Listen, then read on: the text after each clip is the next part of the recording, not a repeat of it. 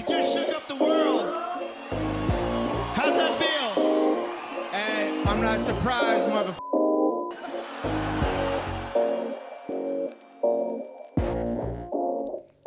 När vi trycker på play i alla fall. Vi är live fast ändå inte live. Ja.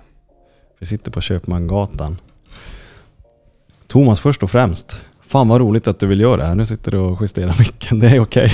Har du hittat rätt? Jag tror jag har rätt. Ja, ja men självklart. Jätteroligt. Så, och jag tycker men, Spontant, man får väl ändå säga att det var väl, ja men det är kanske lite via Niklas och Klätterhuset som man har funnit varandra. Så. Och, Ja, ja. och liksom när man, det lilla jag vet om dig så kände jag bara att det är no-brainer. Ja. Vad vill han vara med så kör vi. Ja, ja, ja. Nej men absolut. Och jag, jag, tycker, jag tycker alltid att samtal är kul. Liksom, oavsett om det, med, med, om det är människor som jag känner eller inte känner. Jag tycker möten är, är intressanta. Så det är. Och jag fick för mig att jag kände igen ditt ansikte. Om så här, har du varit i våran studio någon gång? Jag tror aldrig att jag har tatuerat mig på den Denort. Jag tänkte eftersom du kände Anton, om du hade varit med han. Ja, alltså, för jag har ju, jag har varit och käkat lunch med Anton, någon gång med Tobbe också. Ja, ja, okej. Och sen då via gymnasiet så kände man ju till Falander. Ja. Så Jag fick som för mig att jag, ja men du har varit hos oss. Men okej. eh, de tatueringarna jag har har jag faktiskt gjort på Dead Man's Hand. Ja, ja okej. Eh, Det blev, nu är det många år sedan jag tatuerade mig. Men det var som att man blev ma- hos Mankan. Då. Ja, ja. Så eh, det blev bara att man for dit och så började man på en massa jävla projekt. Jag har en halvfärdig sleeve, en halvfärdig ryggtavla. Det brukar ju vara så. Men Varför sen- blir det så? Ja, men alltså jag vet inte. För att det, man börjar projekt och framförallt att man... Jag märker, jag har ju också väldigt mycket stamkunder. Och, och det blir ju... Det blir väl så för att man bygger upp en ganska tajt, intim relation med, med varandra. Och då blir det väl att man... Att man hela tiden går tillbaka till samma person. Det blir så mycket mer än själva tatueringen i Ja, sig. ja verkligen. Och så startar man gärna nya projekt och man är lite less på att fortsätta på det där. Ah, men kan vi inte göra något nytt? Det vore kul med någon, någon, någonting, någonting nytt bara sådär. Och så blir inte det färdigt och till slut har man ofärdiga över hela kroppen. Mm. Och sen känner man också, typ ryggen var... Förut så har man ju tänkt du vet, en så kallad trash stamp. Ja. Typ eh, på tjejer eller killar.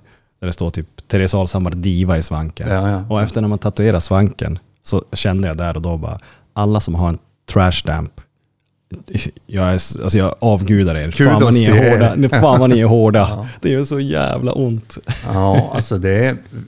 Jag har ju själv såklart tatuerat hela min rygg och allt det där. Och bitvis, hur lugnt som helst, men bitvis otroligt plågsamt. Mm.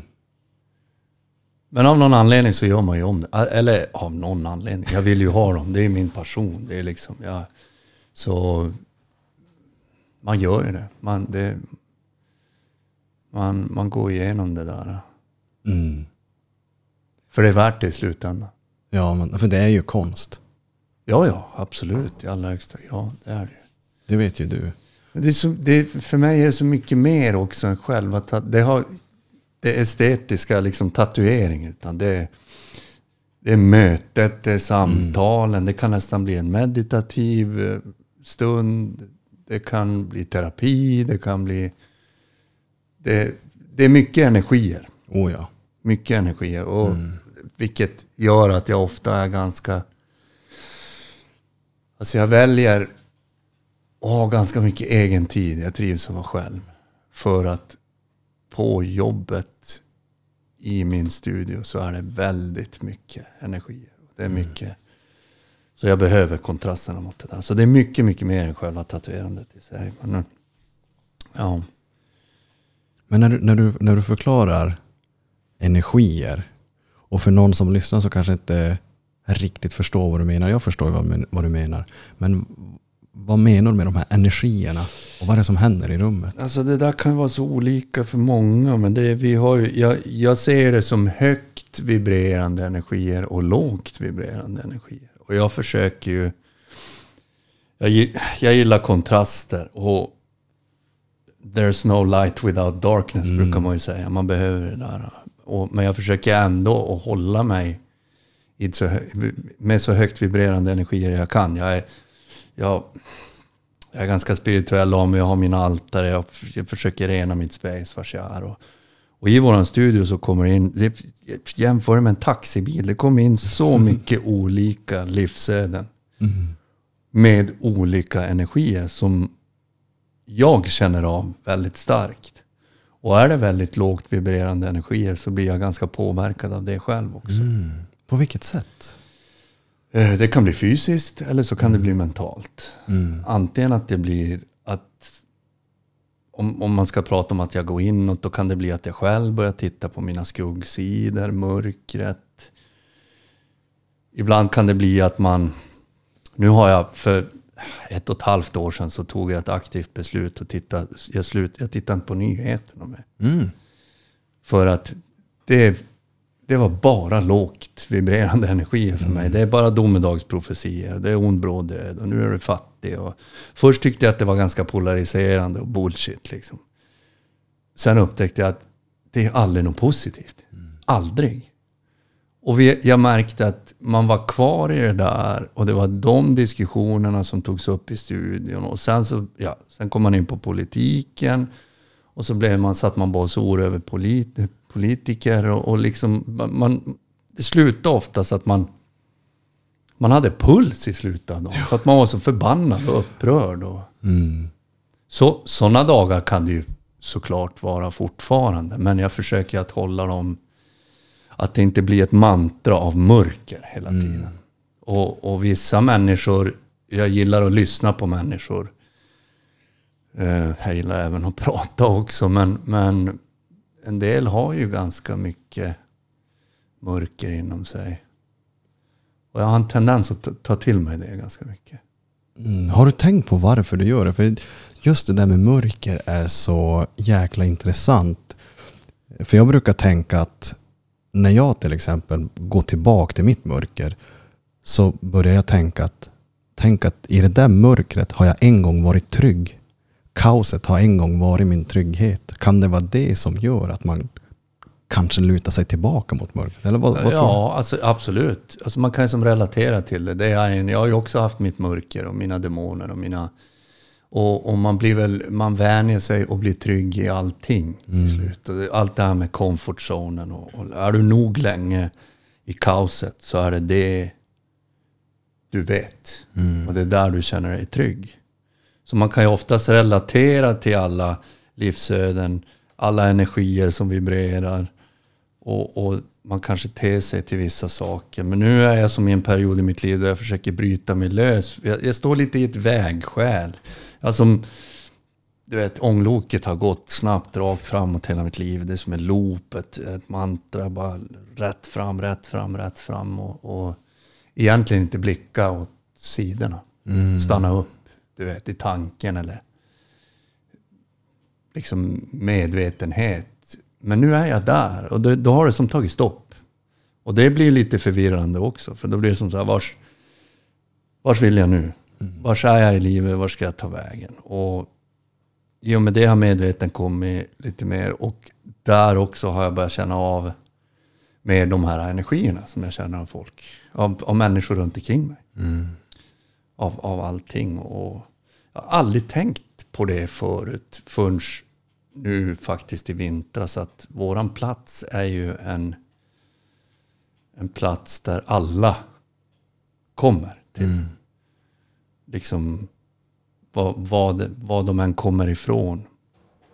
Och det där är ju energier som, som, eh, som li- liksom mixas och bland. Därför blev det så, så viktigt för mig att, att börja rena mitt space jag har runt omkring mig. För att det ska liksom, ah, det låter lite så här lite hum, mumbo jumbo men, men att ha liksom öppna kanaler så att man kan connecta till, till allting ganska klart och rent. Och, och jag har aldrig tänkt på det förut men det kan vara en röra bara, du vet. Och där har jag en tendens att tappa lite det här medvetna. Och, och, och, och liksom... Ja, men inte, inte att jag faller in i mörkret, men, men lite, jag blir påmind lite om kaoset. Om röran. På på något sätt. Hur mycket litar du på din intuition när du känner av en människa? Vare sig det är högt eller lågt. Mm, alltså det här är intressant. Jag har jag har en kund som har tatuerat en tjej ganska mycket. Och vi... Det är det där med intuition. Vi, vi gjorde en deal för ett halvår sedan och sa från och med idag ska vi alltid lita på en intuition och magkänsla. För, varenda gång. Så ses vi om ett halvår, så ser vi hur det gick. Vi såg som att det gick sex månader. Ja, hur har det gått? Ja, det gick ju inte alls bra. Nej, det gick inte bra för någon av oss. 40-50 procent av gångerna kanske man så här, Ja, men mag- att man litade på magkänslan. Men det var mycket mindre än vad jag trodde att jag gjorde. Faktiskt. Så det, det är jag också ganska medveten om idag. Och jag tror att, att jag litar mer på magkänsla och intuition nu idag än vad jag gjorde då när, vi, när det väl kom upp på bordet och man började prata om det. Jag som aldrig, det är en sån där grej som jag aldrig har tänkt på tidigare. Mm. Vadå magkänsla, intuition, känns det rätt, känns det fel? Jag menar, jag vet inte, kanske gå, gå då måste man liksom gå till sig själv och, och det är lite grann som jag känner en, en, en, en shamankvinna som är som jag brukar ha samtal med. Hon är från Peru och då är det så här, jag ställer henne hela tiden frågor och jag får alltid samma svar av henne. Vad kan det vara? Vad säger ditt hjärta? Mm, okej. Vad säger ditt hjärta? Vadå mitt hjärta? Du vet sådär. Men till slut blev det så här, aha, man kanske måste lyssna lite mer på sig själv och hur man själv, hur det känns i en själv. Vilket jag har nog aldrig varit där förut. Vart, kom, vart blossades allt det här upp? Vart hittade du? Var det någon du lyssnade på eller såg någon annan göra samma sak? Det här med energier och intuition. Och... Alltså det är svårt att hitta någon form av startpunkt för det där. Men jag vet att det var för några år sedan så, så började jag själv, inte, det var väl inget aktivt val, men jag började själv vandra på min spirituella väg. Liksom. Mm. Började titta på, jag upp, upptäckte att, det, att, att jag tror faktiskt på någon, någon högre makt. Och jag har bara blundat för sånt allt, allt sånt där förut. Jag har bara gasat på liksom. Och, och, och i och med det, ja vad då allt det är, meditation, andningsövningar, det är en stor, stor del av mitt liv idag. Har jag ju liksom öppnat mitt medvetande på ett helt annat sätt och då kommer saker av sig själv. Sådär. Det blir som en, en, en omedveten ändring till medvetenhet, medvetenheten på något sätt. Jag vet inte hur jag ska förklara det. Men det, men det var som inget... Och, och, och i och med det så har jag kommit till vägskälet. Mm. Liksom, vad säger jag nu? Vad är det här? Utan att, istället för att bara tugga på och rulla på. Som vanligt. Hur skulle du beskriva dig själv? Liksom om jag frågar dig, vem är Thomas? Åh, Det är ju en väldigt stor fråga. det är väldigt stor och jag har inte brytt mig att tänka på den frågan förut i hela mitt liv. Liksom, men nu har ju den kommit upp Mm. i, i och med, med liksom medvetenheten har fått sig en, en, en snurr. Men det är otroligt svårt att svara på. Man får ju inte den frågan så ofta. Nej, och jag, och jag har lite svårt... Och, och jag, jag brukar inte försöka tänka på det heller. Jag, Det kanske inte ens finns något exakt svar. nej, jag tror inte det. Det är samma så här, vad meningen med livet? Liksom. Det, det känns lika hopplös. Det är lättare nog att svara på vad jag inte är något mer, Mm. tror jag. Att jag, jag är inte känslokall som jag trodde att jag var. Jag, visst, jag har haft väldigt svårt att connecta mitt hjärtspace till mina känslor. Det har jag fått jobba med. Men jag är inte känslokall. Och jag är inte... Jag är liksom inte tuff och oberörd i de här alla sammanhang som, som jag gärna ville tro att jag var. Men just det där, vem är jag? Det är, alltså, det är otroligt svårt att svara på. Ehm, jag, jag tittar ju mycket på, alltså jag är väldigt intresserad av andra filosofier och buddhismen och enligt buddhismiska dharman, alltså tron, så är jag ju ingenting. Mm. Liksom, vi är ju ingenting. Vi är inget och allt egentligen. Mm. Alla ett. Så, så den, den är svår.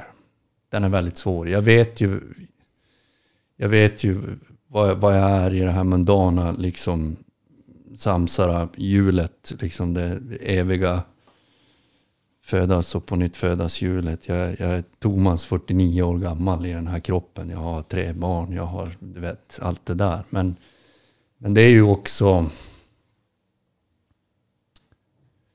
Ja, många anser ju att det livet vi lever idag är bara en stor illusion.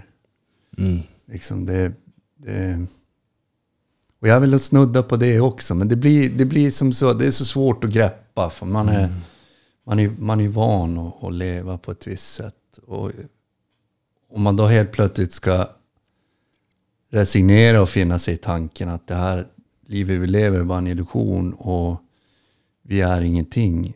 Då förstår jag helt plötsligt gurusarna som måste flytta ut och bo i en grotta i 18 år själv. För då kan man inte beblanda sig med människor. Man kan inte liksom... Det blir som en stor omställning. Och där har även tankarna kommit upp att ja, okej, kanske ett tempel ett tag. Sådana tankar har jag aldrig haft förut. Kanske gå in i ett tempel, se hur det känns. Liksom. Något nytt, du vet. Mm. Jag behöver... Ja, men det är det där vägskälet. Åt vilket håll ska jag? Många grejer. Ska jag bo kvar? Du vet, jag har brottats med tanken. Ska jag bo kvar i Sverige? Jag är less på Sverige. Vad ska jag göra? All, alla roller jag har haft. Jag är företagare, jag är studioägare. Vill jag ha den rollen och mer? Jag har mer börjat snegla åt ett nomadliv. Bort med all materialistiska saker. Danska hela mitt liv. Det är det lätta livet på något sätt. Det är kanske mer det som tilltalar mig nu. Mm. Istället för det man har haft. Jag vet inte, kanske är någon form av grej som händer när man är 50 bast. Att man bara... nu, och, och har gjort bort familj och barnen har blivit vuxna och man har hunnit skilja sig och man är själv igen. Och då kanske man vill ha någon form av stor förändring. Så. För när man ändå pratar om liksom, vem är Thomas, vad är meningen med livet, livet? Men vad händer? Tror du ändå inte att du har en mening här på jorden? För annars kan det ju bli ganska nihilistiskt, alltså liksom ingenting spelar någon roll och då kan det bli mörkt bara om man går runt och tänker på det. Liksom. Ja, alltså, men jag tror ju mer på att... Alltså, jag tror ju mer på att meningen med livet är att bara vara. Mm. Och för jag, alltså i och med att i och med att jag upplever själv att jag har blivit mer medveten så har jag även upptäckt mina skuggsidor och jag har även upptäckt mitt ego. Mm. Och egot står i vägen för väldigt mycket. Mycket för mig i alla fall. Och för alla människor. Det är alltid egot som tar över. Och, och om man då ska tänka att meningen med livet, eller vem är jag? Jo, men jag är någon och jag, är, du vet, jag har någon form av purpose och sådär. Då tror jag mer att det är egot som, som tar över där. Mm. Att jag ska vara något speciellt. Och det, det, är en, det är en ganska svår tanke för man har ju, man, det innebär ju att helt plötsligt börjar man ifråga sin identitet. Precis. Mm. Ehm, så det är lite förvirrande nu just livet. Alltså om man, om man, om man blickar inåt, det är så här, äh, det enda jag vet är att jag inte vet någonting. Mm. Förut trodde jag att jag hade koll på allt. Så det är en väldigt stor... Men jag förstår tanken, det där med, ja men om jag inte är något, vad är jag då liksom? Nihil- Den nihilistiska liksom. Eh, vilket jag har ju haft sådana tankar förut också. Jag har, jag har, jag har tappat tron på människan. Bort med alla människor. Mm. Det är bara vi som är... Vi är ju verkligen fallgropen i hela universum. Men nu är jag tvärtom. Nu vill jag ju ändå jag tro på människan. Mm. Eh, ja, det är svårt. Jag är väl... Ja, jag, är, jag, jag ska fundera på det där. Vem är jag? Men det är svårt. Jag tror inte ens jag själv hade. För det är precis som du säger, så är det en så intressant grej. Liksom, om, om meningen bara är att vi ska vara, Mm. Då börjar ju egot slåss Ja. med dig själv. Men vänta nu, jag är ju en hjälpare. Jag, ju, håller ju en podcast. Vänta nu. Exakt. Är du med? Jag och då börjar man dra. syfte, ja. Precis. Och är då syftet att jag ska vara en podcast, host eller ska jag bara vara? Men hur ska jag då kunna få podcasten att gå ihop? Jag vill ju ha fler och fler lyssnare, jag vill sprida budskapet. Men vad fan, är du med?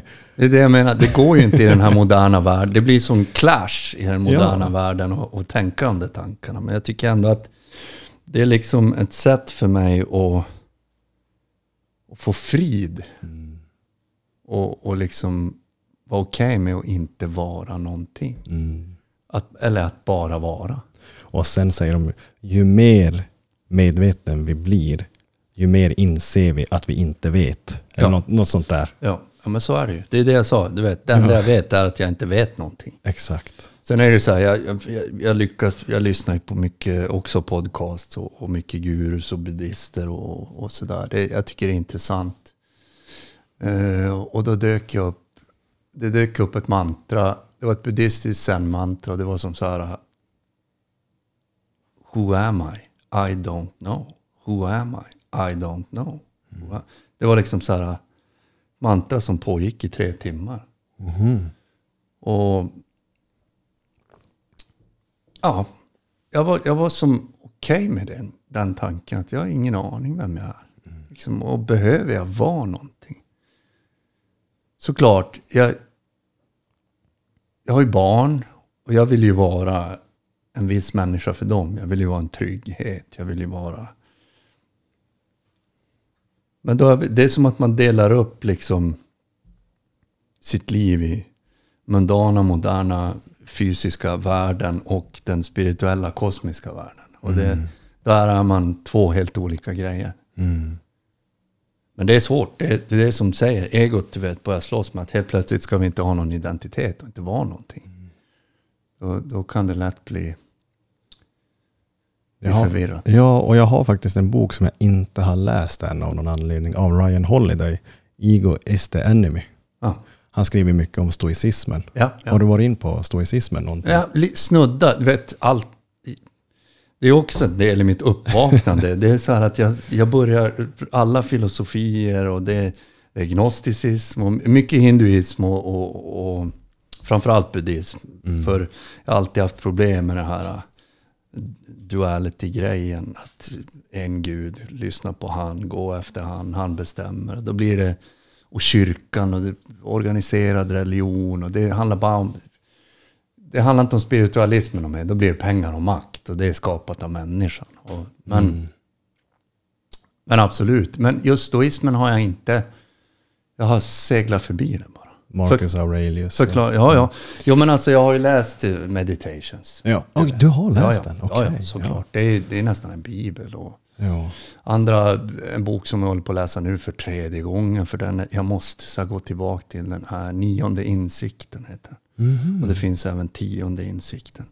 Och den handlar egentligen om hela den här förändringen av människan. Från att gå från att vara snurra i ett hjul och vi är styrda till ett totalt uppvaknande.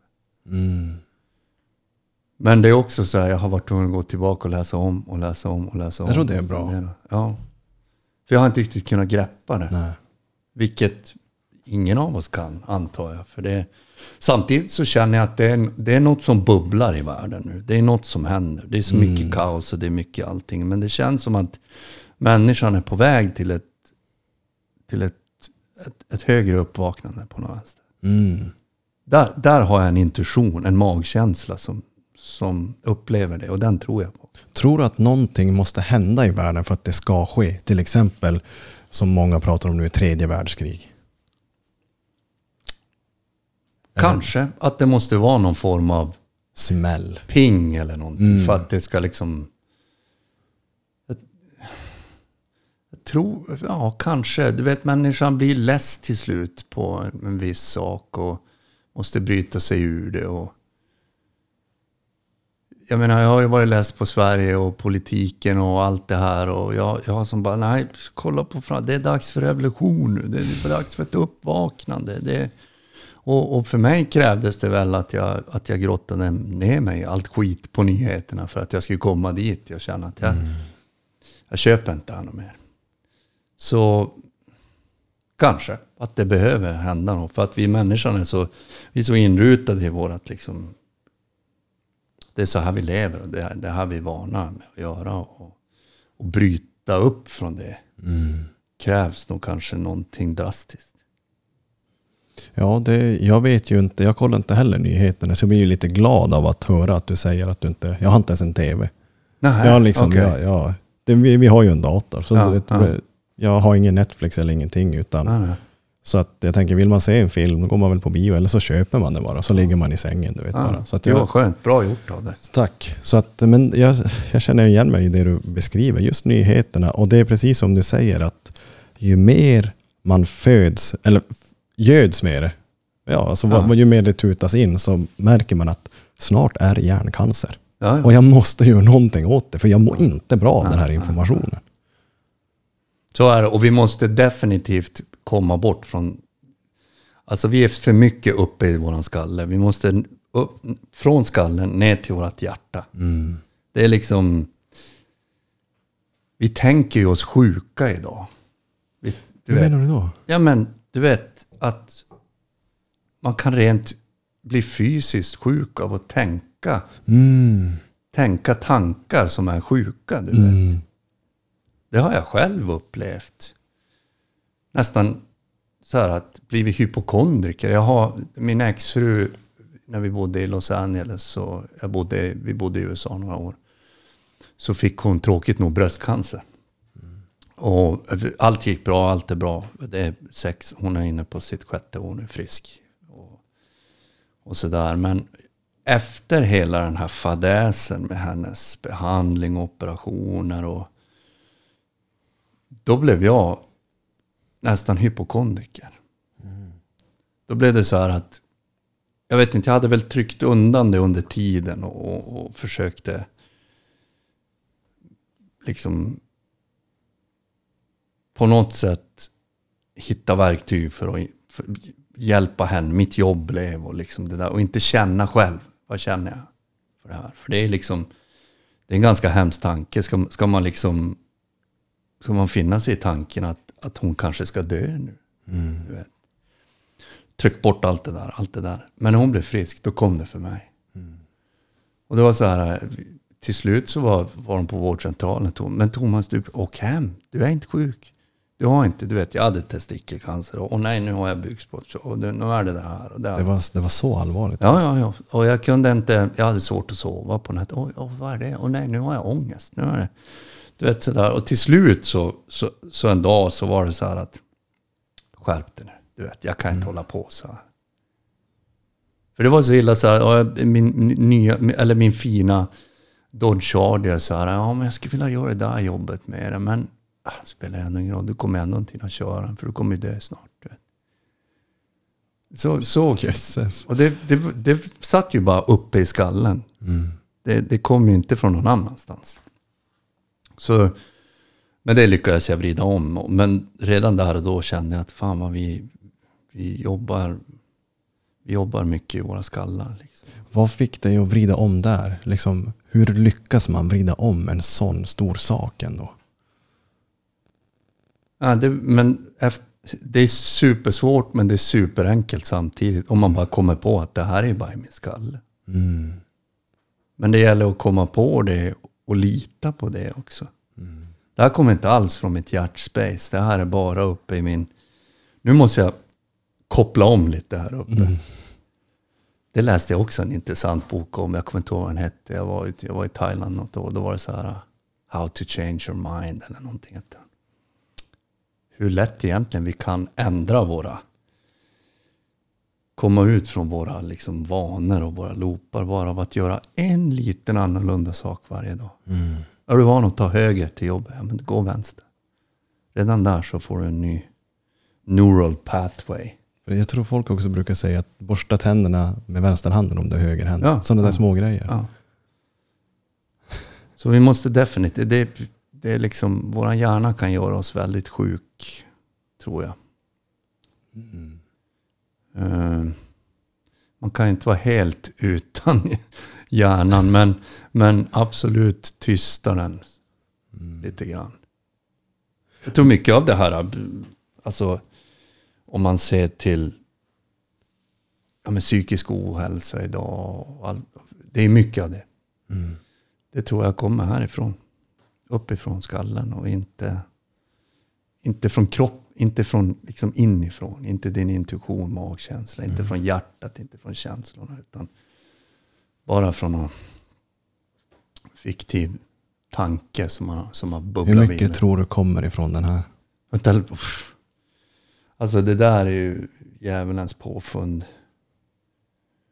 Och tyvärr så använder man den lika mycket själv som alla ungdomar. Nästan. Jag försöker.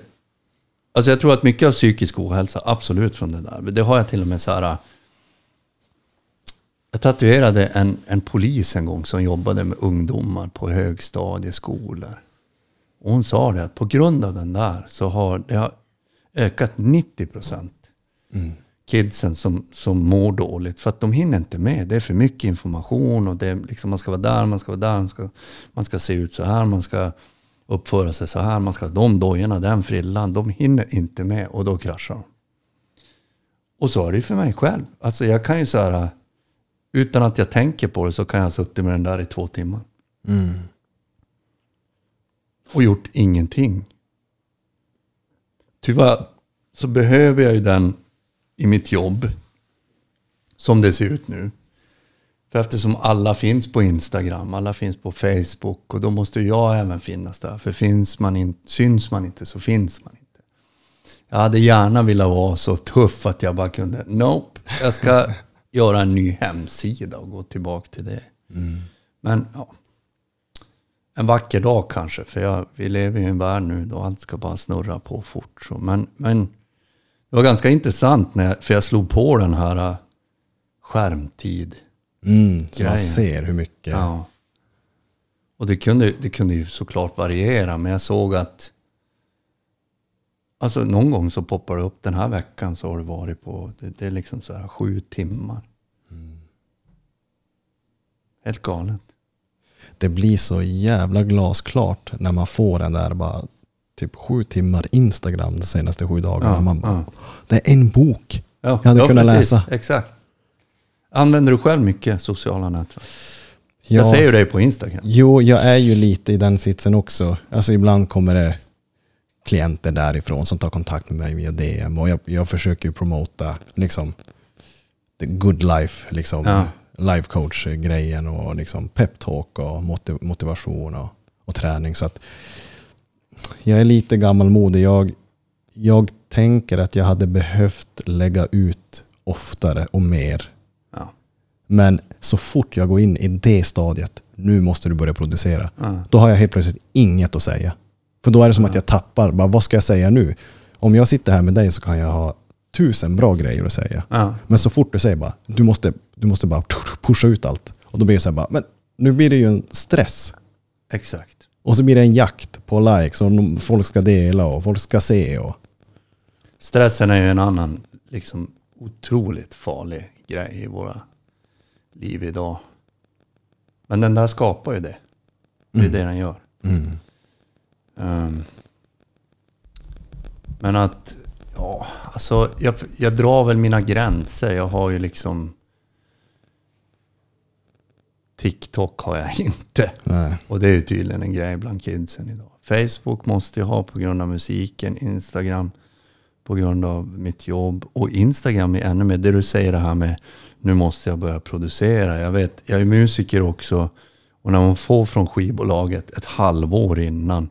Så här ska det promotas på den kanalen. Klockslag, dagar, det ska vara ett visst schema. Då, du vet, det är helt galet liksom. Mm. Då ska man binda upp sig i det. Så riktigt så är jag ju inte och jag känner inte att jag behöver posta någonting varje dag. Men, men eh, går det för länge så känner jag att ja, mm, nu, nu, nu syns jag inte. Mm. Minns jag inte. Precis. Ja. Så, Jag läste i någon bok, de gjorde en jämförelse, nu minns jag inte vilken bok det var.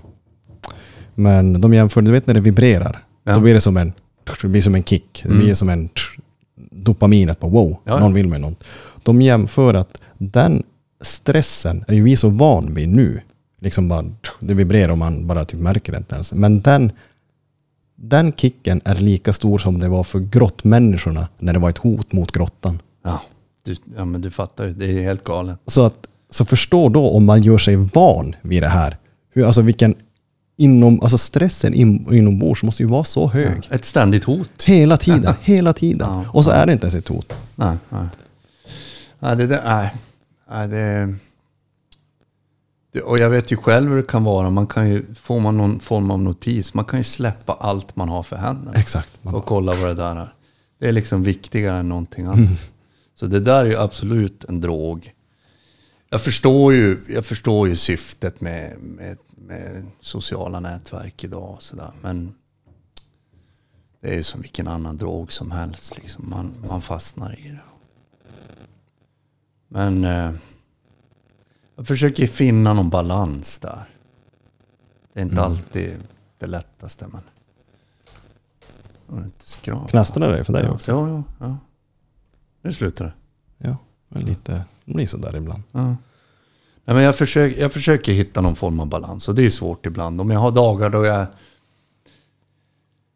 Jag, är en ganska, jag har alltid varit en ganska rastlös människa. Eller rastlös, jag gillar att göra saker. Jag vill hela tiden liksom...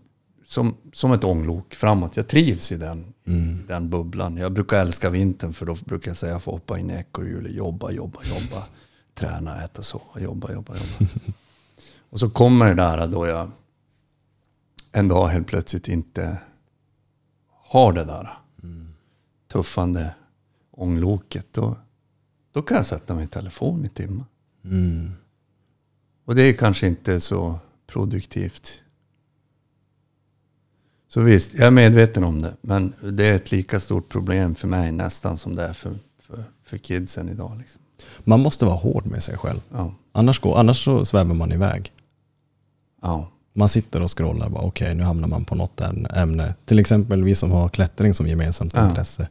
Jag vet inte ens, wow två timmar och man satt och kollade bara. Det är ju för sig lite grann så lärdom kan jag tänka, alltså ser jag det som. Man Det- försöker snappa upp. Ja, alltså det känns ändå kreativt och på någon vänster. Sen kan ju även det bli en mani och bli ett missbruk också. men, men det känns ju kanske mer kreativt att göra något sånt eller att, än att titta på gulliga katter i sju timmar en dag. Liksom. Det är väl mysigt det också, men, men eh, ja, absolut, man, man fastnar ju i det. Och det är liksom så här tiden, tid och rum, beyond time and space. Det existerar inte. Man är plötsligt klockan halv fyra på morgonen och man ska upp åtta. Så där behöver jag nog göra lite förändring. Men jag är inte riktigt där ännu. Men det, en vacker dag kanske jag slipper även stressen från det där. Mm. Men då, det är en del i min liksom tanke på att leva det lätta livet. Det är att till slut kanske jag inte ska behöva promota mig på Exakt. Instagram. För att få de jobben jag vill göra. Mm. För att jag kanske inte ska jobba lika mycket som jag gör idag. Eller inte på samma sätt som jag gör idag. Vad är det som driver dig? Är det pengarna? Är det... Nej, nej, nej, absolut inte. Absolut inte pengar. Jag har aldrig gillat pengar. Det har aldrig varit intressant för mig, tyvärr. Det är bara mer ett nödvändigt ont. Mm. Jag har väl också haft perioder i mitt liv då jag har varit så här materialistisk. Liksom vill ha grejer och prylar. Men det har jag kommit ifrån ganska hårt. Mm. Och, och liksom, även där försöker, behöver jag två bilar? Behöver jag två motorcyklar? Behöver jag, nej, behöver jag 23 gitarrer? Det är kul och fint. Har du att ha. 23 gitarrer? Nej, men jag har haft, du vet. Men nu så här, i höstas så var det så här, nej men den där har inte jag använt på två år och kommer inte göra det. I det för jag kan inte rent fysiskt i det projektet jag håller på med nu. Mm. Ja, men då säljer jag den. Och liksom jag har, varit, jag är helt, jag har haft också så svårt att släppa taget om grejer. Vissa saker har ju affektionsvärde och de behåller jag. Mm. Men, men annars har jag blivit jättebra på att avyttra saker. Och det är också en del i mitt lätta liv. Liksom tanken kring det. Jag vill kunna vakna upp en morgon och inte känna att pulsen stiger. För att idag måste jag jobba för att dra in pengar för att kunna betala det eller jobba det. Jag vill kunna vakna upp och tänka, vad vill jag göra idag? Men det kanske kräver att jag måste bo i en hydda i Portugal och odla apelsiner. Men jag är fine med den tanken. Det, ja, det skulle kanske vara kanske det jag vill göra. När pengar har varit sådär, eftersom jag måste först säga att jag är otroligt tacksam och känner mig väldigt privilegierad att jag får jobba med det jag gör och har gjort det i 25 år plus. Liksom jag har, jag har min passion som ett leverbröd. Det är både musiken och tatuerandet. Musiken är ju mer liksom det är ju inte året runt utan det, man har ju albumcykel och man har turnécykel. Och, och däremot så har jag märkt att min passion, det har börjat naggas i min passion när jag gör det av fel anledningar. Och då kan det vara att jag måste jaga pengar till skatter som ska in. Eller du vet. Oftast när det har med pengar att göra. Det var inte därför jag började tatuera. Det var inte därför jag började spela musik. Utan nu, självklart behövs det ju pengar i både och. Men, men när det tar över. Då börjar min passion att dala lite grann. För. Och jag vill inte hamna där. För då, då kanske det blir till slut att jag inte tycker att det är kul något mer. Så, så pengar har absolut aldrig varit min drivkraft. Jag, ser, jag har ju vänner som pengar, pengarna är bara drivkraften. Och, och väldigt framgångsrika vänner som har gjort sig enorma rikedomar på, på deras idéer och tankar. Men det är bara pengarna som driver dem. Och, och det är kul att se, men jag är inte där. Jag, jag är helt tvärt emot. Vi alla har väl våra olika... Nej, det som driver mig är nog, jag måste, det är nog det kreativa. Jag måste hela tiden skapa någonting. Men nu känner jag även att jag kan ha perioder då jag kan släppa skapandet och bara vara. Mm. Nu ska jag... Alltså förut hade jag... Ja, även, även i somras, även fortfarande så alltså, jag har svårt att vara borta från mitt jobb. Jag tar inga långa semestrar och jag jobbar hela sommaren. Jag brukar ta... Jag gillar ju att fjällvandra och naturen. Jag gillar att få ut med motorcykeln och vara borta några dagar. Så, så jag brukar ta så här, jobba tre dagar, ledig fyra dagar på somrarna. Tre dagar, fyra dagar. Vara borta längre perioder, då blir det att jag saknar mitt jobb så mycket. Så att det blir som så här, då kan jag inte trivas i, i semestern. Men där har jag också blivit bättre, tycker jag, helt klart. Nu åker jag bort nästa fredag, så blir jag borta en månad. Bara, inte jobb, inte någonting, bara inte göra någonting. Mm. Utan andas, meditera, vila, liksom kliva upp och göra det jag känner för att göra där och då, den dagen. Och det är en ganska lång period som jag är borta från mitt jobb. Men jag är, jag är fine med det. Jag, jag behöver det också.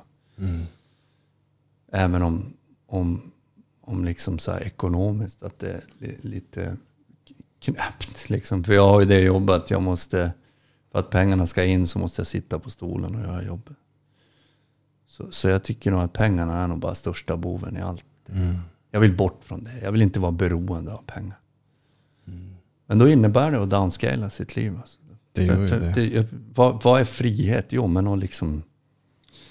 För mig är det att inte ha alla, alla åtaganden och alla ansvar och allt sådär. Jag vill kunna vakna upp en morgon och ta min ryggsäck och gå. Nu har jag ju barn, så jag kan inte göra Jag vill ju finnas i deras liv. Men så småningom. Och att det inte ska krävas en massa pengar för att göra det. Mm. Det lätta livet. Jag tror på det. Jag håller med dig. Det är en tanke som slår en faktiskt då och då. Ja.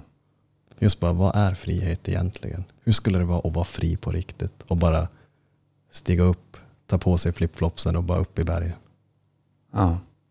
Men för mig har det varit, för jag, den tanken har jag nog funderat mer på än vem är jag? Mm, jag förstår. Mm. Och, och jag landar alltid i samma sak, att inte ha saker som sitter fast i mig. Jag kan inte ha lån, jag kan inte äga fastighet, jag kan inte ha, du vet. Mm. Så då blir det det. Ja, sälja, avyttra grejer, hyra en lägenhet, hyra en mindre lägenhet. Till slut bo i en liten stuga någonstans kanske. Så att man,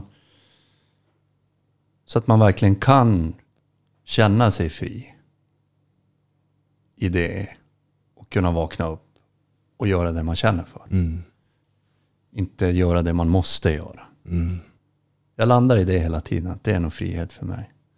Sen hur, jag inte, sen hur jag tar mig dit, det är väl, jag är väl på den vägen. Ja, det, det låter ju som att det är ju mitt i resan. Jo, men det, det känns som att jag är det. det, det men det är ett stort steg och jag menar, vi lever ju i en modern materiell värld. Och jag har levt i den och det är ett ganska stort steg att bryta den. Och förut fick jag panik när jag såg så här, familjen sålde allt och köpte en båt och seglade världen runt. Mm. Ja, men, vadå? Vad gjorde ni av tv? Bilarna? liksom. och nu kan jag säga, magiskt. Exakt. Vilken grej. Mm. Men jag tänker Thomas, jag tycker att man har fått en bra bild av vem du faktiskt är idag. Även om vi inte kanske ska sätta ett exakt svar på det. Att det finns ett ord på det. Men jag tänker att hur har du blivit den här Thomas? Liksom, har du alltid, hur, hur, hur är uppväxten? Hur har livet varit? Är du född och uppvuxen i Luleå? Liksom, hur har livet sett ut fram till nu? Alltså jag har, ju hal, ha, jag har ju haft allt det här som alla andra har haft. Jag är, jag är ju snart inne i min andra del av livet. Och, eh, jag växte upp som ensam barn. Med min far dog ung. Eh, Hur dog han? eh, sviter av alkoholismen ska jag vilja säga. Okej. Ja, Mm. 40, 41 eller 42 år. Ja. Hur Det- tog du det? Det där var också eftersom jag var, då var jag i, det jag pratade om tidigare, att jag, jag, jag var nog i det där att jag hade svårt att öppna mitt hjärtspace och koppla ihop det med mina känslor. Så för mig var det nog bara att världen gick vidare. Jag kommer ihåg att jag fick en liten dipp ett år efter att han hade gått bort. Mm. Att jag kände mig lite vilsen. Men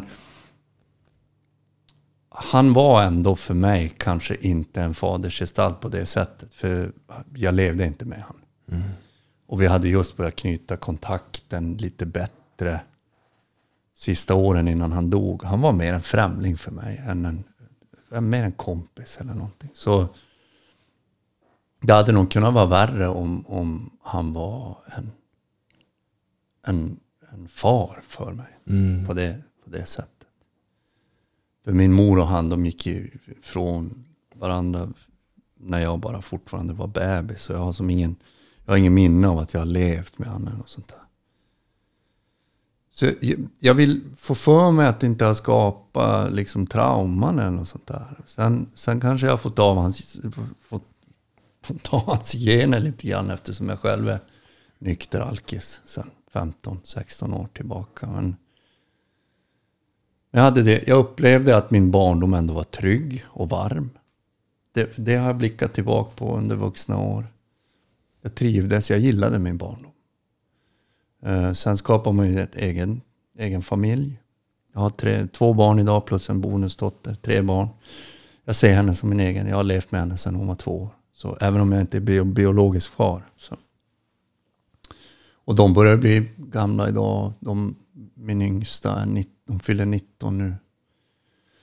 Och jag hade ju hela det där familjelivet också. Och lite före det så blev jag väl musiker på ganska hög nivå. Så det blev en ganska stor förändring i mitt liv att från turnera liksom 100-150 dagar om året till att, till att familj och barn.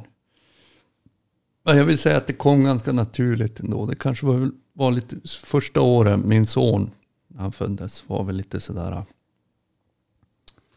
Jag stod i en fot, med en fot i båda lägren och kanske inte var så närvarande som jag ville vara. Men sen så tog jag beslut att släppa det. Så jag, hade, jag var borta från musiken mer eller mindre. Under tio års tid ungefär. Och körde hela det här familjelivet. Och, och det har varit helt fantastiskt också. Det, jag har en underbar familj. Jag skulle aldrig vilja vara utan dem. Och, och jag trivdes. med det livet där och då också. Men där var ju verkligen rutiner och där, kan, där kunde ju mitt hippiehjärta inte få komma fram så ofta. För det är ju vid den här tiden före det och det och det och det och 17 ska de hämtas från dagis. Och det är liksom, man, det, man hamnar i den, i den där bubblan då. Men man blir ju van det, det är lunket också. Och tyck, tyckte det var faktiskt ganska bra. Har gått igenom det. Jag lever inte ihop med min familj idag. Min dotter lever här varannan vecka. Men, men eh, de andra två har flyttat hemifrån. Och, och jag och min exfru lever ju inte ihop något mer. Och, och känner att nu ska jag absolut inte vilja ha det livet igen. Det känns som att det känns som att man gör bort saker eftersom nu har jag gjort det, nu har jag gjort det, nu har jag gjort det, nu har jag gjort det. Jag, jag kan även ibland, det kan ju låta lite naivt, men jag kan även ibland känna att jag har även gjort bort förhållanden. Mhm. Ja. Så du dejtar ingenting? Alltså även jag behöver väl Jag närhet tänker och att man har sina behov. Ja, precis. Så det, men, det är ju en sak, men, men just det här förhållandet. Nej. Och det, det är ju lite mer, det är ju egot som är och trampa. Det är ju en egotripp liksom. Jag, jag vill leva så kravlöst som jag kan just nu. Mm. Och ha ett förhållande, även om det är väldigt fint, så det är sällan kravlöst. Och det är lätt för mig att sitta här och säga att jag kommer aldrig mer ha ett förhållande. Jag har gjort bort det. Men så känner jag nu. Mm. Sen kan jag ju trilla dit imorgon. Det vet man inte. Men eh, barn, absolut färdig med. Så det är som att man, man har faser i sitt liv. Och man, jag gör bort dem och jag går inte tillbaka till det. Nej, men du har skrivit kapitlet Ja. och sen så stänger du det. Sen går jag vidare. Och nu ett nytt kapitel. Precis. Och nu är jag tillbaka i musiken igen. För jag känner att nu kan jag göra det när mina barn är äldre. Och, och det kommer ju ta större del av, eller en ganska stor del av mitt liv här framöver. Ser det ut som. Kombinerat med, med mitt tatuerande, min, min andra passion. Så där är jag väl idag och jag... Men som sagt, det är det vägskälet. Jag, har, jag, jag vet inte riktigt vad jag vill just nu. Mm. Men du känns som en person som eh, jag tror kommer lösa det. Absolut. Alltså allting. Kosmos talar till mig hela tiden. Thomas, allt kommer lösa sig. Mm. Så det kommer det att göra. Och jag kommer hitta min väg.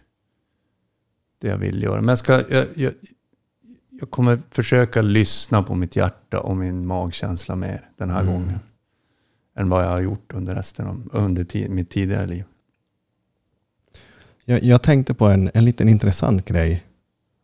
När du sa att du valde bort musiken framför familjen. Liksom här sitter jag och pratar med en kreativ själ. Du säger själv hippiehjärtat och liksom åker och turnerar. Även om man väljer familjen så vill jag ändå tro att jag kan tänka mig att det var splittrat ändå. För nu, musiken verkar ju vara en så pass stor del i ditt liv och verkar ha varit också hela tiden.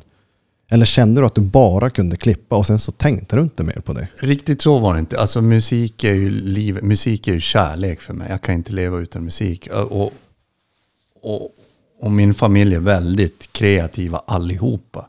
Så det har fortfarande varit en väldigt kreativ miljö jag har levt i. Och jag har inte helt klippt med musiken, men med turnerandet ska jag vilja säga. Vara borta längre perioder. Okej, ja. Jag skrev fortfarande mycket musik och jag gjorde mycket gästinhopp, andra produktioner och band. Men det var inte, jag var inte lika aktiv i det. ja. För jag tänkte just där och då när du som berättade att du fick välja liksom uh, musiken eller familjen. Så, så var det inte. Och min familj har aldrig ställt sådana krav på mig heller. Okej, ja. Utan, utan det är mer vad jag själv har känt att jag vill. Och, Okej. och sen så, sen eftersom jag har, har en period i mitt liv då jag var väldigt mycket inne i missbruket. Så jag tycker mer att det kanske det är som, som har tagit bort. Det, alltså, alltså, jag hade lika gärna kunnat vara borta och turnera. För, för missbruket har gjort att jag har känt mig borta ändå. Liksom. Mm. Så då fick jag ju ta tag i det också. Men eh, När började det? Mitt missbruk har nog varit stegrande sedan jag var ung tonåring. Alltså Mm. det var ju bara liksom... Ja, det finns väl ingen startknapp där heller, men det är genetiskt så har jag väl kickat igång den genen första gången jag tog en fylla antar jag. Mm. Och var det bara alkohol eller var det droger? Nej, också? det ena födde ju det andra och, och, och, och liksom det, var, det, det var ju även droger med. Och, och jag har försökt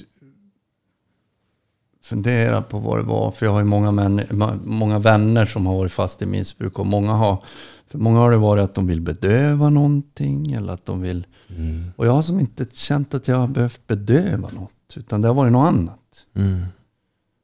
Och då, och då tänker jag, ja men då är det väl ett rent liksom, genetiskt missbruk som tar över hjärnan och det blir ett beroende. Mm. För det har inte varit något att jag har behövt bedöva något eller, eller trycka bort ångest eller något sånt där. Utan det har varit någonting annat. Men det fu- funkar ju uppenbarligen inte i kombination med familj och missbruka Mm. märkte jag.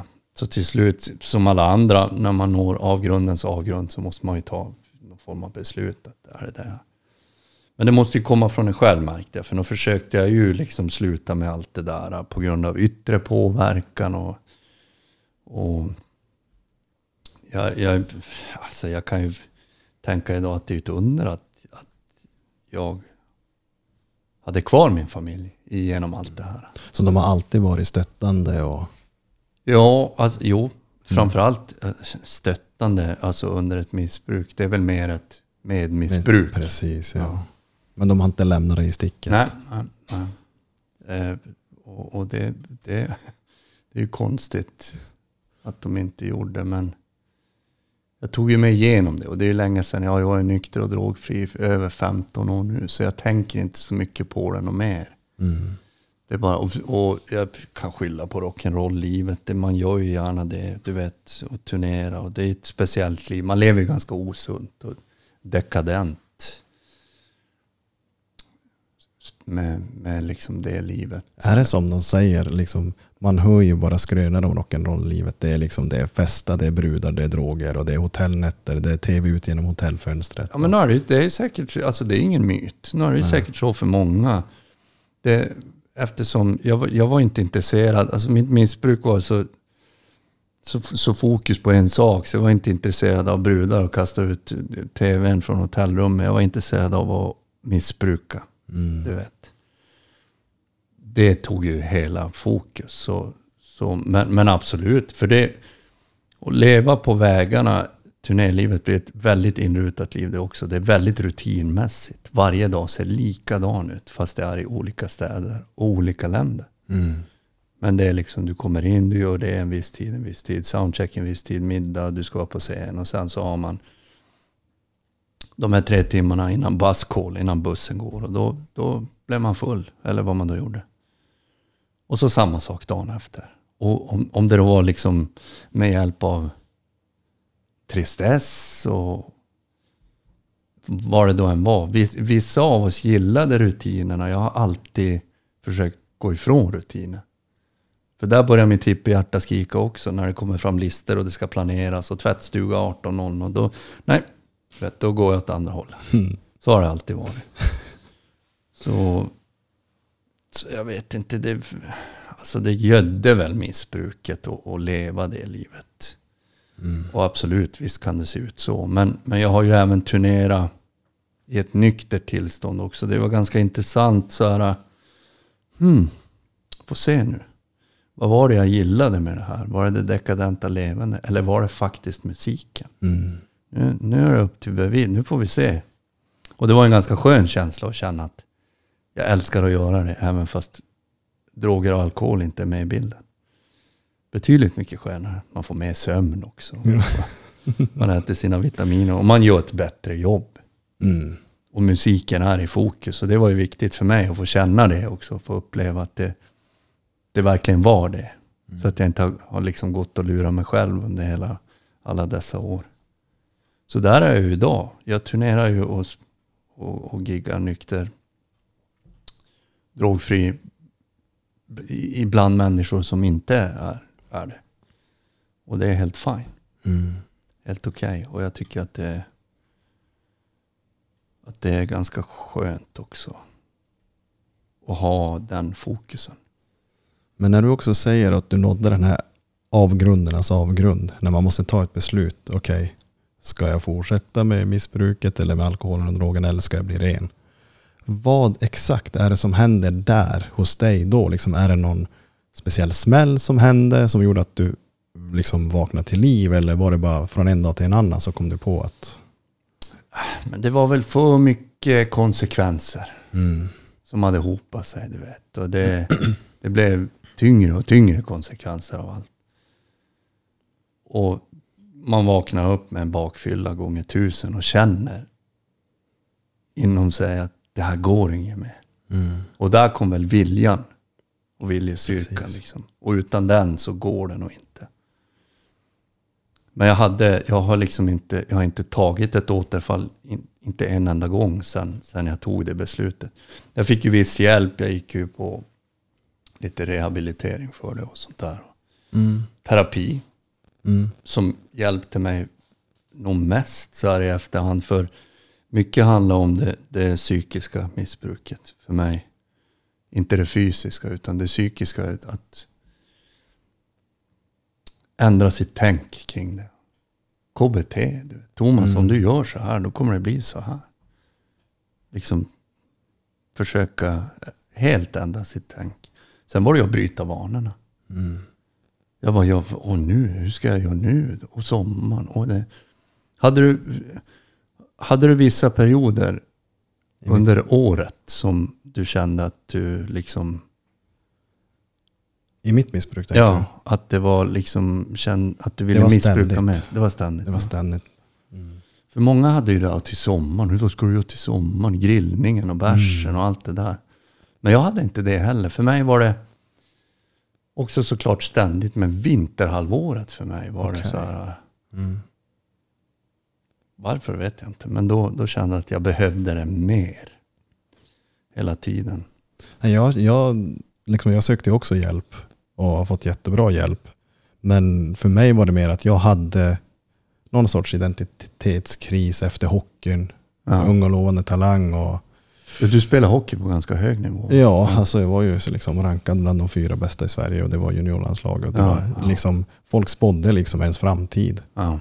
Och har varit liksom så gott som nykterist när man spelar och Mm. liksom satsar. Jag hade ju ett mål, jag skulle bli bäst i världen. Och jag trodde stenhårt på att jag skulle bli Ja, bäst i världen. ja. Så vad som händer sen är ju det att nu ska du gå och vara en människa. Du vet, jag sa liksom, om farsan sa att fan, kom och hjälp mig byta däck på bilen. Då sa jag det att nej, jag vill inte lära mig. För vi kommer ha folk som gör det åt oss. Ja, okej. Så ja. jag kommer inte ens lära mig. Så att jag, var, jag visste inget annat. Så för mig var det att hela tiden, varje dag, täppa igen det här hålet jag hade i bröstet. Men jag visste ju inte vad det Mm. var som jag hade där och då. Utan det var ju någonting som bedövade. Så jag kunde bara, wow, okej, här trivs jag för en stund. Ja. Tyckte du att det var genuint kul att lira hockey då? När du väl kom till rim och reson, när du hittade dig själv liksom. Var det, eller var det, var det för att alla andra tryckte dig framåt? Något som hände när man blev äldre var det att glädjen togs ifrån en. Och jag tror att det handlar väldigt mycket om vilken förening du handlar i och vem du har som är i ledarstaben. Ja. För att de sista åren, det sista året hade vi bra tränare. Men till exempel Luleå-tiden, det pratar jag mycket om. ja, Då var det, vi var bara, vi var, vi var bara brickor i ett spel. ja. Vi var inga människor. Nej, precis. Ni var ett verktyg liksom för, Ja. för att driva den här maskinen framåt. Precis. Och liksom, jag kunde ju... Jag kan inte ens minnas under de tre åren jag var i Luleå att ena tränaren, jag nämner ingen namn, men han frågade aldrig hur jag mådde. Ja, ja. Och Nej. Det här är också ett känt, det, det är kända namn så att folk vet vad Mm. det är för människa. Men sådana människor ska inte ha med ungdomar att göra. Nej, nej, nej, nej, nej. För du vet, de, just Luleå när det är liksom stor, stor ändå förening och ungdoms eh, juniorverksamhet som är bland de bästa i Sverige. Det kommer folk från Kiruna, från Malmberget, från Arvidsjaur. Liksom, där i små orter där man har växt upp att hockeyn är kärlek. Ja, ja. Det är en konst. Här, får vi, här ska vi vara fria, vi får misslyckas, vi får försöka igen. Och sen så kommer alla att samlas på en plats där någon inte ens frågar hur du mår längre. Utan gör du fel så får du ett straff. Exakt, ja, nej, jag fattar. Det där måste ju vara... Alltså, och jag har, jag har ju faktiskt hört, jag har vänner som har barn som spelar hockey. Och barn som blir ratade, liksom från Luleå eller vad det då är. Och, och, och vad det gör med dem. Alltså. Bara blir ratade för att de inte gör jobbet. Precis. Säkert he- heller aldrig blivit frågade hur de mår. Så det verkar vara väldigt tufft klimat. Det är, och det verkar inte förändras. För jag har haft lite klienter i ungdomslagen. Ja, Som har då hört av sig till mig och så liksom pratat. Och det, och det som gör mig så, inte, jag skulle inte vilja säga ilsken, men gör mig så besviken är att det fortfarande pågår samma jävla svammel. Varför är det då? Är det lite grann som jag säger kyrkan? Är det pengar och makt? Eller är det, är blir det... Blir det han, tar liksom pengarna över det? Jag, jag har inget riktigt svar på det hela. Jag tror att till exempel i en förening som Luleå så tror jag att man måste byta blod från högsta ledet. Ja, ja. Det är fortfarande samma blod från eh, liksom 1990. Det är liksom, ja. och, och det är bara att kolla på resultaten. Man har ett SM-guld. ja. Och, ja alltså ju... och man gör ändå samma sak år ut och år in. Ja, ja, ja. Och jag tror de har, det är ju no-brainer. Om inte glädjen finns där så finns ju ingenting kvar. Mm. Men det är väl det de inte fattar då. Det är som den här unga talangen Pellika från Malmberget som gick till Skellefteå. Jätteung och lovande, spelar nu junior-VM också. Då, jag vet inte om det här är sant, men jag hörde i alla fall att Luleå ville ju ha han.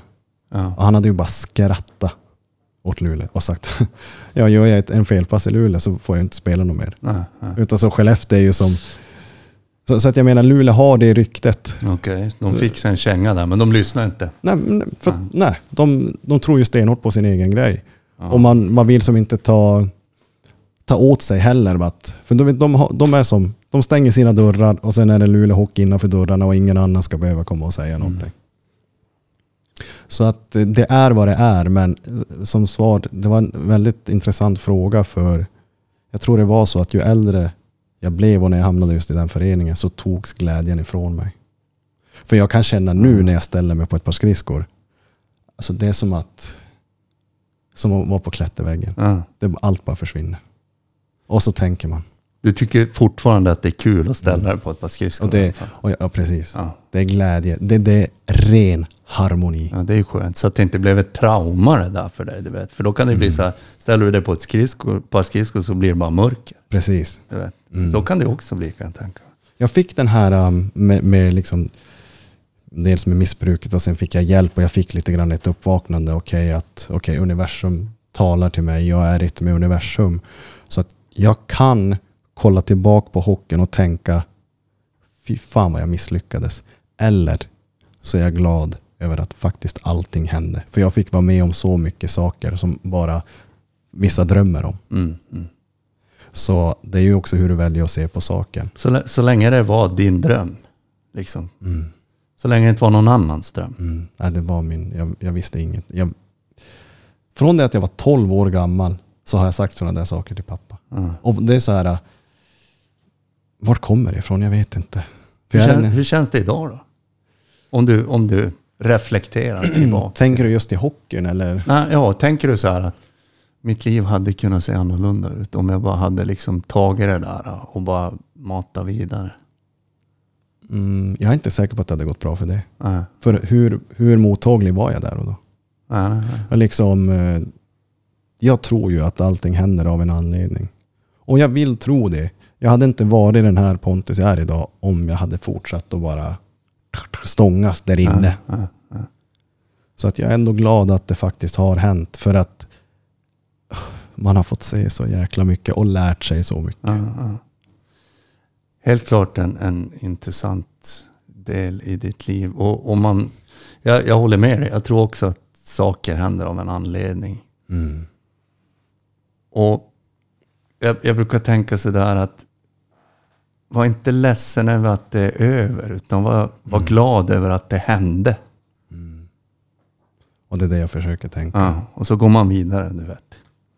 Till, för då är det menat att man ska vidare till nya saker. Och vad det då är, det, Precis, vad är det då? För livet och jorden är stor och det är helt fantastiskt här ute. ja, ja.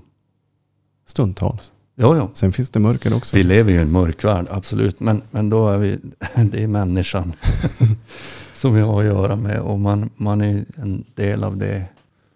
Så man får ju som försöka göra det bästa man kan av det. Men ändå, jag har alltid försökt att inte analysera saker för mycket. Jag försöker inte tänka för mycket nu. Jag försöker låta saker få hända som det sker spontant. Jag har jag vill uppleva att jag inte har speciellt mycket kontrollbehov. Vissa saker kanske jag vill ha koll på sådär. Och, och, och det är ganska skönt. Ja, men då får det bli vad det blir härnäst. Jag har inga stora drömmar mer. Jag har inga stora... Kan, kan inte drömmar få förbli drömmar? Om man uppfyller alla drömmar, då är det ingen dröm mer. Vad är det för drömmar du har haft? Som kanske inte slog till eller som du la på hyllan? Ja, alltså, egentligen inte. Alltså, den stora drömmen har ju vara, va, varit musiken. Mm. Och, och liksom kunna få göra det hela tiden om jag vill. Mm. Och leva på det.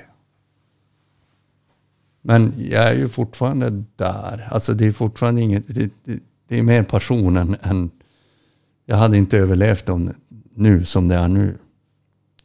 Hade jag fortsatt med mitt tidigare band som vi la ner med 20... 20 när var det? 2001 tror jag. Då hade jag kanske varit där. Mm. För vi hade... vi- Där och då så blev vi ett väldigt stort band.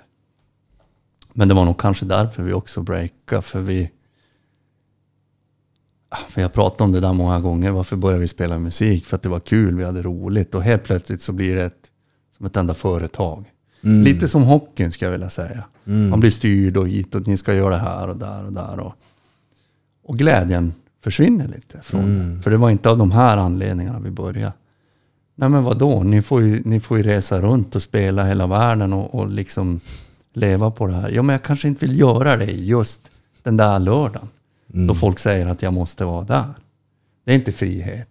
Mm. Och då blir det inte glädje i det. Så det kanske var därför vi la ner och då. Inte fortsatt med den. Hur lyckades ni hålla ihop gruppen när det blir så stort och mäktigt? Det var ju svårt. Det var ju, Det det. Ja, det var jättesvårt. Alltså vi, efter vi bröt upp så var vi några stycken som vi... Jag tror inte vi pratade med varandra på tre, fyra år. Mm. Det var lite grann som att vi hade fått nog av varandra. Mm. Där och då. Behövde några år för att sen kunna återkoppla och liksom... Idag har vi nog alla kontakt igen. Mm. Och det känns... Känns bra. Mm. Och vi ser det som en, ett kapitel som är... Än idag så sliter folk i just det projektet. Och när ska ni liksom, när kommer reunion? Och, och vi har, i många år har vi liksom sagt att det, kom, det kommer inte ske.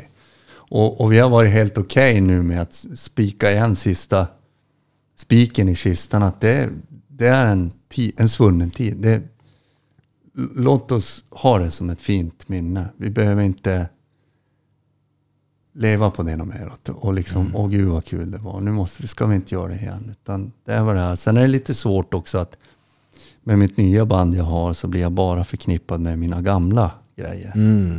Och jag försöker ju skapa någonting nytt med det nya här. Så sitter man i en in intervju med mitt nya band och jag ska promota mitt nya band. Och den enda fråga jag får är om mitt gamla band Breach. Då, blir jag, då måste jag som stoppa. Det här handlar inte om det. Det här har ingenting med det att göra. Fast det är klart.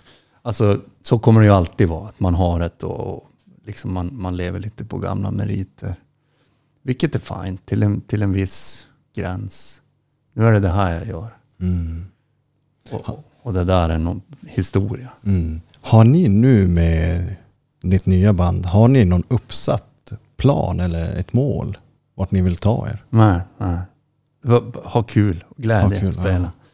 Det har vi märkt när vi spelar live mycket nu. Att när vi upplever att vi inte har haft en bra spelning. Då har det inte att göra med hur mycket folk det var i publiken. Hur mycket, utan det är mer vad vi hade för connection med varandra Mm. under detta gig. Så, här, så är det nu, så var det aldrig förut. Då var det mer hur liksom mäktigt det var. Hur, hur det, handlar, det handlar mer om glädjen. Men jag brukar säga att vi förut gjorde vi det här, liksom, vi ville förmedla en känsla till publiken. Nu är det nästan mer att vi, själv, vi vill förmedla en känsla inom oss. Som sen får vidare till publi- publiken. De, de är ju, vi finns ju på grund av dem såklart. Men de är inte det primära mer. Men utan dem hade vi inte varit där vi är idag. Mm. Utan glädjen till musiken och, och, och, och, våran kontakt med varandra när vi utför den, den är viktigast. Vilket vi har märkt att istället för att försöka se tuff ut på scen och stå och titta ut i havet så står vi mer och connectar med varandra på scen. Mm. Vi har, som, vi har gått inåt där också istället för att blicka utåt. Det är ganska rolig Har du något eh, favoritband eller några idoler som du ser upp till eller har sett upp till? Det har jag ju haft. Jag har ju haft jättemycket idoler. Men det är samma där idag. Jag har inte... Nu har jag, jag lyssnar ju inte ens på den musiken jag själv spelar. Eller, det gör jag såklart. för, för... Alltså så här var det. Förut, jag har varit en extrem musikfascist. Jag blir provocerad, provocerad av musik som jag tycker är dåligt. Mm. Rent provocerad. Jag kunde bli, störa mig på att mina barn lyssnar på skitmusik. Så kan man ju tänka, men hallå det är ju musik. Det hade ju kunnat vara heroin. Mm. Du vet. Och där har jag också haft någon form av jätte liksom uppvaknande. Nu kan jag lyssna på, jag kan se glädjen i all musik. Även om jag inte alltid förstår den. Men jag är fine med att inte förstå allt. Jag behöver inte förstå allt. Jag behöver inte fatta grejen. Jag var på min son när han var ung så, så fattade han tycke för dansband, vilket är helt galet. Mm. Liksom en 12-årig grabb som blir dansbandsfanatiker. Intressant. Väldigt. Och först tänkte jag säga, men det här är någon form av revolt mot punkpappa. Liksom. Det är klart han måste få göra det. Men det var inte det, för det, det har hållit i hela hans liv. Och jag kommer ihåg i tidig ålder så, så ville han gå på en konsert på Kulturens hus. Det var någon sån här Mats Blads eller någonting, du vet. Dansband. Men han, han hade inte åldern inne och han fick inte gå. Mm. Så, så jag följde med honom och då, fick, då, då gjorde vi det i alla fall. Jag kommer ihåg, det hamnade i tidningen också. Han var yngsta besökaren på platsen. Och där och då så hade jag en tanke så här, okej. jag, ska, jag ska göra det här med han. Och jag ska försöka liksom se vad det här är.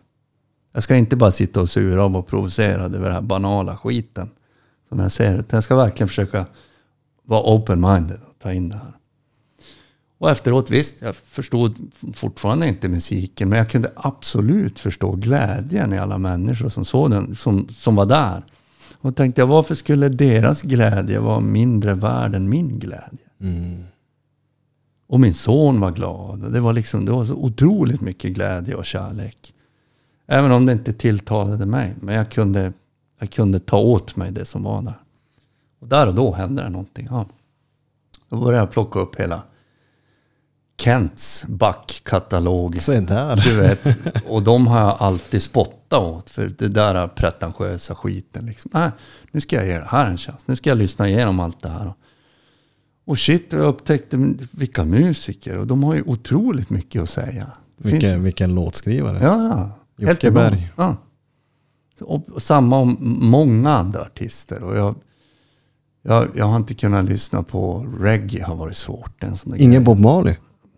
Alltså Bobban är som en klass för sig, det har man alltid kunnat lyssna på. Men right. så generellt reggae, det har som... Det har också känt lite banalt för mig. Tills jag började, ja men okej, jag ger det en chans. Jag slår fortfarande inte på det när jag kommer hem på kvällarna, men det är enormt mycket kärlek och glädje. Och finns otroligt mycket substans i det. Det är en hel kultur, det är religion. Mm. Så, så musiken har ju, har ju vidgats för mig, det jag lyssnar på. Och nu för tiden så är det mer...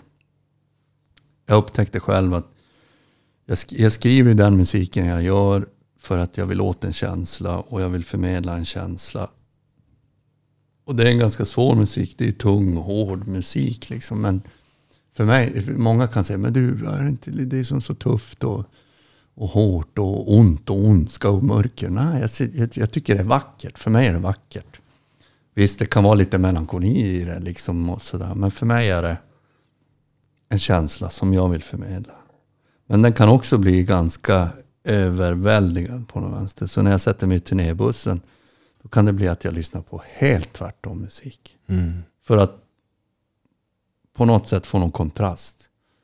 Det här ljus och mörkret eller du vet, yin yang eller vad det är. Så nu för tiden i, i, i studion så är det sällan hårdrocksplattor som, som åker på. Utan det är spirituell musik eller world music eller mantran. Jag kan sitta och lyssna på mantran Mm. hela tiden. Jag gillar idén med att ha någonting. Jag gillar idén med mantra. För det blir liksom, när det har gått nog länge samma sak så blir det som att det, tar sitt, det blir en egen entitet. Alltså det, det blir ett an, någonting annat. Får ett eget liv och blir någonting annat. Så där är jag nu. Det är mycket mycket spirituell musik, mycket folkmusik lyssnar jag på från olika kulturer. Det kan vara allt från Amazonas shipibo, liksom Ikaros chanting till, Mm. till amerikansk folkmusik eller svensk folkmusik. Så fanns det, det kallades ju för world music förut, men jag tror inte att det är ordet något mer. Men det är ju det är ju musik från olika kulturer. Alltså Mm. ursprungsmusiken. Jag tycker det är så vackert. Ja, det är magiskt. Det är magiskt. Liksom även våran, om man tittar till samisk musik, jojken. Mm. Otroligt vacker. Faktiskt, ja. Även om jag inte kan relatera till det så är det ju... Jag är med där idag. Och så skriver jag något helt annat. Det jag gör är något helt annat. Mm. Så rent musikmässigt så har jag verkligen öppnat upp mitt sinne för allting. Det finns ju vissa saker som jag, som jag inte lyssnar på alls. Men jag, jag blir inte provocerad av det. idag. Skönt Ja. ändå va? Det är så otroligt Kunna släppa det. Jag har haft, jag har haft så många perioder. En, jag, jag skrev en platta 2000, som jag släppte 2014. Jag skrev den själv. Sen blev det ett band. För jag upptäckte att jag vill förmedla det här live. Och då måste jag göra ett band av det. Det blev ett ganska kortlivat band. För jag flyttade till USA. Och vi hade medlemmar från Tyskland. Och det var några från Sverige. Och det blev ganska kortlivat av den anledningen att den där plattan var bara ren terapi för mig. Och det handlade bara om primala grejer. Det var hat, det var rädsla, det var lust. Och det, var, det var mycket ilska, mycket mörker. Och jag fick ut det där. Ja, då gör vi platta nummer två. Men då var jag inte alls där. Jag var inte alls i de sinnesstämningarna. Så det gick ju inget mer. Jag, jag kunde inte föra det där projektet vidare. Mm. Vi spelade in en till platta men det var inte alls samma vision som jag hade. Och, så jag skrotade det och, och liksom, nu begraver vi det här. För jag är inte där nu. Intressant ändå, för jag tänkte även fråga dig, när du skriver, känner du att du kan skriva varje dag? Eller skriver du när det faller dig in? Absolut inte varje dag. Det där är som vilket annat kreativt uttryck. Alltså i mitt jobb, mitt tatuerande, så måste jag ju rita på beställning. Jag måste ju göra det. Och ibland så går det bara på rutin, för jag har hållit på med det så länge. Vilket också kan bli tråkigt. Helt plötsligt har jag suttit och ritat upp en tatuering och kollat på, på klättring. Och, och jag vet inte ens, jag har inte varit med i processen. Det är bara en färdig skiss. Och då är det bara rutin. Mm. Men samma musik nu. Vi, var, vi gick in i studio i våras i Stockholm en månad. För att producera nya plattan som vi släpper i augusti i år. Och efter det så jag plockade nog inte upp en gitarr på två månader. Mhm. För då var jag som så dränerad på det där. Så det, det, det, det kommer när det kommer. Och jag har alltid, som du säger, gitarrer runt mig. Och jag har min, min voice memo. Så, så här, när, när det kommer ett drift till mig, då kan jag spela in, spela in det och sen lägga undan. Och sen hamnar jag i faser då jag kan sitta i dagar och skriva. Mm. Och sen hamnar man i de faserna då man har en deadline och måste göra det. Ja. Och den, den är ju svår, men då får man ju plocka fram muskelminnet på något. Precis. Men jag, vi gör det med en liten annan approach nu också. Sista två produktionerna jag har skrivit har varit ganska viktigt för oss att vi får göra det tillsammans där och då i studion. Vi spelar in det live. Vi vill titta på varandra när vi gör det. Medan tidigare produktioner har kunnat vara, ja men åk ner till Stockholm du och lägg trummorna. Jag flyger ner nästa vecka och lägger sången. Och det är liksom det är bara liksom klipp och klistra ihop ett album. Nu ville vi vara där och göra det tillsammans med varandra. Och det har varit ganska skönt. Den processen i sig är otroligt kreativ och väldigt givande. Och meditativ på alla sätt. Även om det är hårt arbete. Man är ganska dränerad mentalt efter en sån där session. Först ska man repa i studion i tio dagar och sen en dag ledigt för att nolla hjärnan och sen på det och spela in det. Förut gillade jag inte alls den processen. Jag tyckte att det var psykiskt ganska jobbigt att vara i studio. Det var inte därför jag började spela musik utan det var för att, spela, för att framföra det live. Men nu har jag vänt där. Jag tycker att det är en rolig process. nu. Du låter lite som Freddie Mercury. Jaså? Ja, men han pratar ju mycket om just den här kärleken till musiken och att man ska framföra den. Och liksom, han var ju dock en perfektionist. Ja, ja. Men den här kärleken så känner jag som igen i vissa anspråk från Freddie. Ja. För jag, efter filmen Bohemian Rhapsody så blev det ju att wow, Que- Queen var fan stora. Ja, alltså många av de där filmerna som har, har öppnat upp. Jag såg Lady Gagas dokumentär. Five Foot Two eller vad den heter. Shit vilken musiker. Mm. Aviciis dokumentär. Mm. Vil- Vilket geni. Mm. Jag har ju bara trott att de sitter och springer omkring med ett USB-minne på, på technofestivaler. Liksom. Ja. Det är så mycket mer substans än så. Så jag har helt ändrat uppfattning på det där. Och Queen har alltid varit ett favoritband. Långt före Bohemian Rhapsody-filmen. Har ja, häftigt. Jag har alltid sett Freddie Mercury som världens största rockstjärna. Konstigt nog, för jag har varit så här hårdrockare hela mitt liv. Men, men efter den filmen, det är ju så här...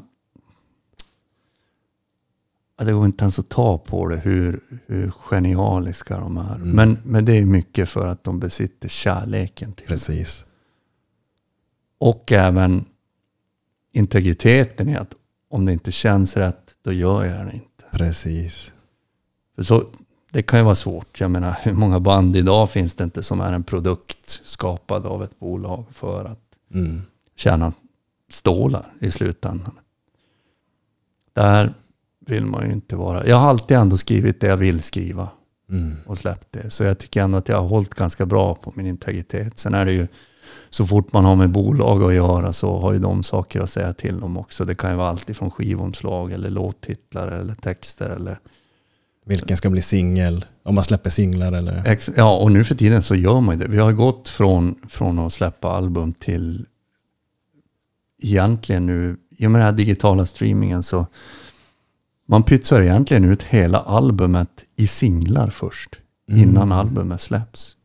Och nu pratar till och med branschen pratar om att inte släppa fysiska album överhuvudtaget. Eller det kommer alltid finnas en, de som vill släppa en fysisk vinylskiva.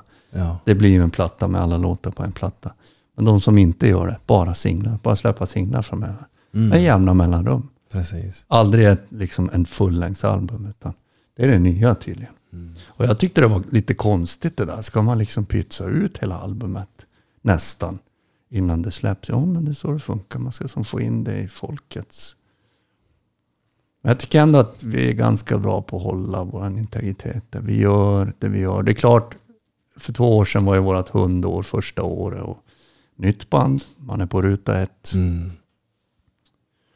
Kanske måste göra saker som man kanske inte vill.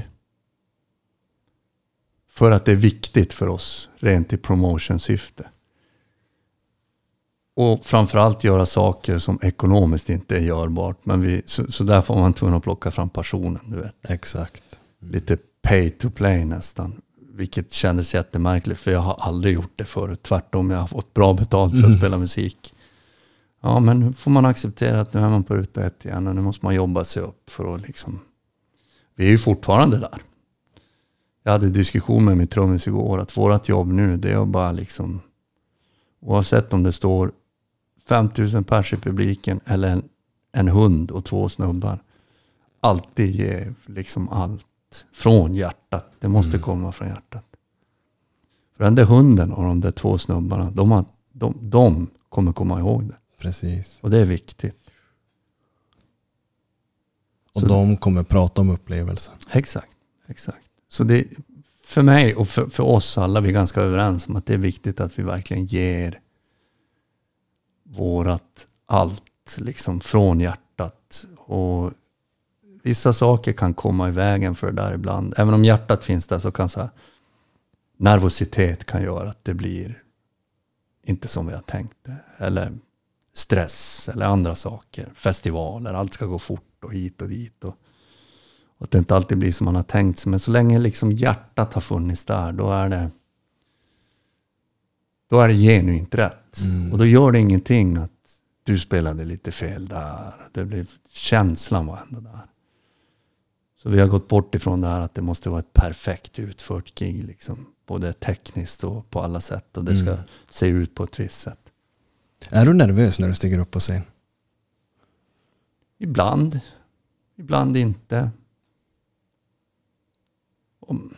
Det är lite olika det där. Jag skulle vilja säga mm, en viss nervositet är nog bra att ha. Mm. För det, det håller en liksom on the edge. Man, man, man har det där äh,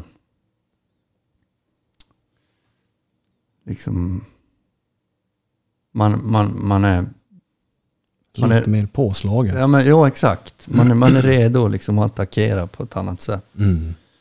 Så, så jag välkomnar den nervositeten. Det, det har varit gånger då det har blivit så här, äh, av någon anledning, att jag har varit så nervös att det blir fysiskt. Jag får sådär adrenalinpåslag så att mina underarmar domnar bort. Jag kan inte spela gitarren. Och, men det brukar oftast vara före, en minut in i gigget så, så försvinner det. Det var ju lite intressant när jag hade varit borta från turnélivet i tio år och skulle tillbaka till det. Både jag och en av gitarristerna i bandet, vi, vi tänkte fan, hur ska vi... Så det blev att vi, vi käk, första tre giggen käkade vi betablockerare. Jaså? Ja, för vi hade ingen aning om hur vi skulle liksom reagera på det här. Skulle nervositeten ta över så att vi inte kan göra jobbet? Eller finns det där? Men man märkte ju ganska snabbt att det, de behövdes ju inte de där. Mm. Men det var ändå så här någon form av... Ja men, nu måste vi safea här första två dagarna i alla fall för att vi ska se vars vi är. Mm. Mentalt och, och liksom fysiskt. Så det var, det var lite spännande. Men det gick ju bra det också. Vad är det man brukar säga? Stripes on a tiger never fades. Och, ja, det kanske var. Jag har inte hört det tror jag. Nej, Mm. de, de gör ju inte det. Ja. Men jag tänker just, alltså det finns ju jättemycket bra band och musik i Luleåområdet. Samarbetar man till exempel med Raised Fist eller med Zacke eller med Movits eller med Painted Sky och allt vad de heter? Alltså samarbetar vet jag inte. Men vi är ju alla liksom, det är en liten stad. Vi känner ju alla man varandra. känner varandra och liksom, kanske bolla idéer eller... Ja, man går på varandras gig så Mm. vi har ju oftast väldigt olika visioner när man kommer till musik och vad vi skriver. Så samarbete kan vara svårt. Jag har, jag har ju faktiskt gjort ett gästinhopp på en av Rest Fist-plattor för ganska många år sedan. Okej. Var med på en låt. Men det var mer så här en skivbolagsgrej för vi låg på samma skivbolag då. Mm. Och, och, men, men jag vet inte om det blir så mycket samarbete över gränserna just för att vi har så otroligt Mm. olika visioner. Men, men vi, vi, man känner ju, ja. ja. Lite häftigt ändå. Att det finns så mycket bra musik här. Ja, Suburban. ja, ja. ja. Alltså Norrland, Norrbotten, eller Norrland. Alltså jag skulle vilja säga mitten på 90-talet hade en, en explosivartad scen. När det kom till min genre, hardcore och punk. Och vi spelar ju varje... Det fanns ju mycket passion också, men vi spelar varje helg, varje helg. Antingen får vi till Umeå eller så kommer Umeåborna hit och spelar. Och, Mm. Och, och det satte ju hela liksom Norrbotten och Norrland på kartan, världskartan. Umeåbanden blev extremt stora Mm. i världen. Den här straight edge hardcore-scenen. Och, Sen upplevde jag att den där äh, scenen liksom svalnade lite grann. Men den kanske inte gjorde det. Det var bara kanske att jag inte var lika stor del av den. Mm. Det kan lika gärna vara så också. Men det försvann spelställen. Och, men nu verkar det vara tillbaka. Alltså det är ju jättemycket. Det finns ju otroligt mycket passion och, och, och band och folk som är villiga att göra gigs och grejer. Och det är ju oftast med väldigt få medel. Och, och ja, man, man, man får jobba lite med passionen och hjärtat för att få det att funka. Mm, på tal om eh, musiken och lite Norrbotten. Såg du att Bolta hade dött? Redneck-sångaren. Nej, Han, vad heter han? Dag, Daggen. Heter, kallas han Daggen? var det så? Ja, han eh, är ju en Kiruna. Kiruna. Ja han, ja, han var från Kiruna va? Bolta kallades han. Var, var det liksom... Jag, jag såg bara en rubrik. Det var en polare som hade lagt upp det på sådär Ah. Insta-story. Då blir man ju sådär på en gång också. Du vet, ens 55. mor, morbid curiosity. Hur dog han? Varför? Mm. 55 bast. Det är ingen ålder. Nej, nej. Det har jag också tänkt på så fort när någon har gått, gått bort, någon känd musiker eller icke-känd musiker eller någon människa i... Det har så här hänt att jag så börjar gå in på Flashback och måste veta hur människan dog. Mm. Är det just med kändisar? Eller är det Nej. med, alla? Alla. Mm. Varför? Du vet, jag vet inte vad det har att göra med, men det är väl den här morbida kuriositeten som man har kanske. Man ska Mm. veta varför. Det är, väl, det är väl liksom oväsentligt egentligen. Ja, jag har Hur blivit så. de dog.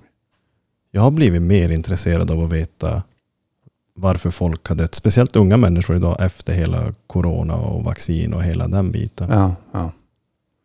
Alltså det där, det där är ju ett mörkt hål det där också. Mm. Och, men du vet, börjar man prata om det för mycket då blir man ju foliehatt och konspiratör. Ja, och precis. liksom allt men där. eh, Åh, jag känner mig så blåst, du vet, på de här pandemiåren. Men jag, mm. vi- jag ville aldrig vaccinera mig, men jag var tvungen att göra det på grund av musiken.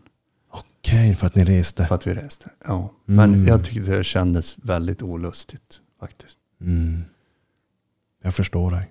Sen, sen, jag, sen har jag inte varit den som har suttit dagar och nätter och, och försökt leta alla konspiratoriska vägar Nej. till det.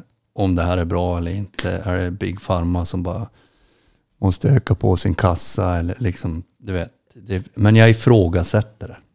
Men det har man ju knappt heller fått göra. Du vet. Det, är lite så, det blev så otroligt polariserat i, under den här pandemin märkte man. Du vet. Det, var, det började till och med bråkas inom familjer om det här vaccinet. Och det, var, det var också en, någon form av masspsykos. Vad hände med människan? Där egentligen? Sen om vaccinen var bra eller inte. Det får, vi- jag har haft covid både före och efter vaccin. Jag har haft det två gånger.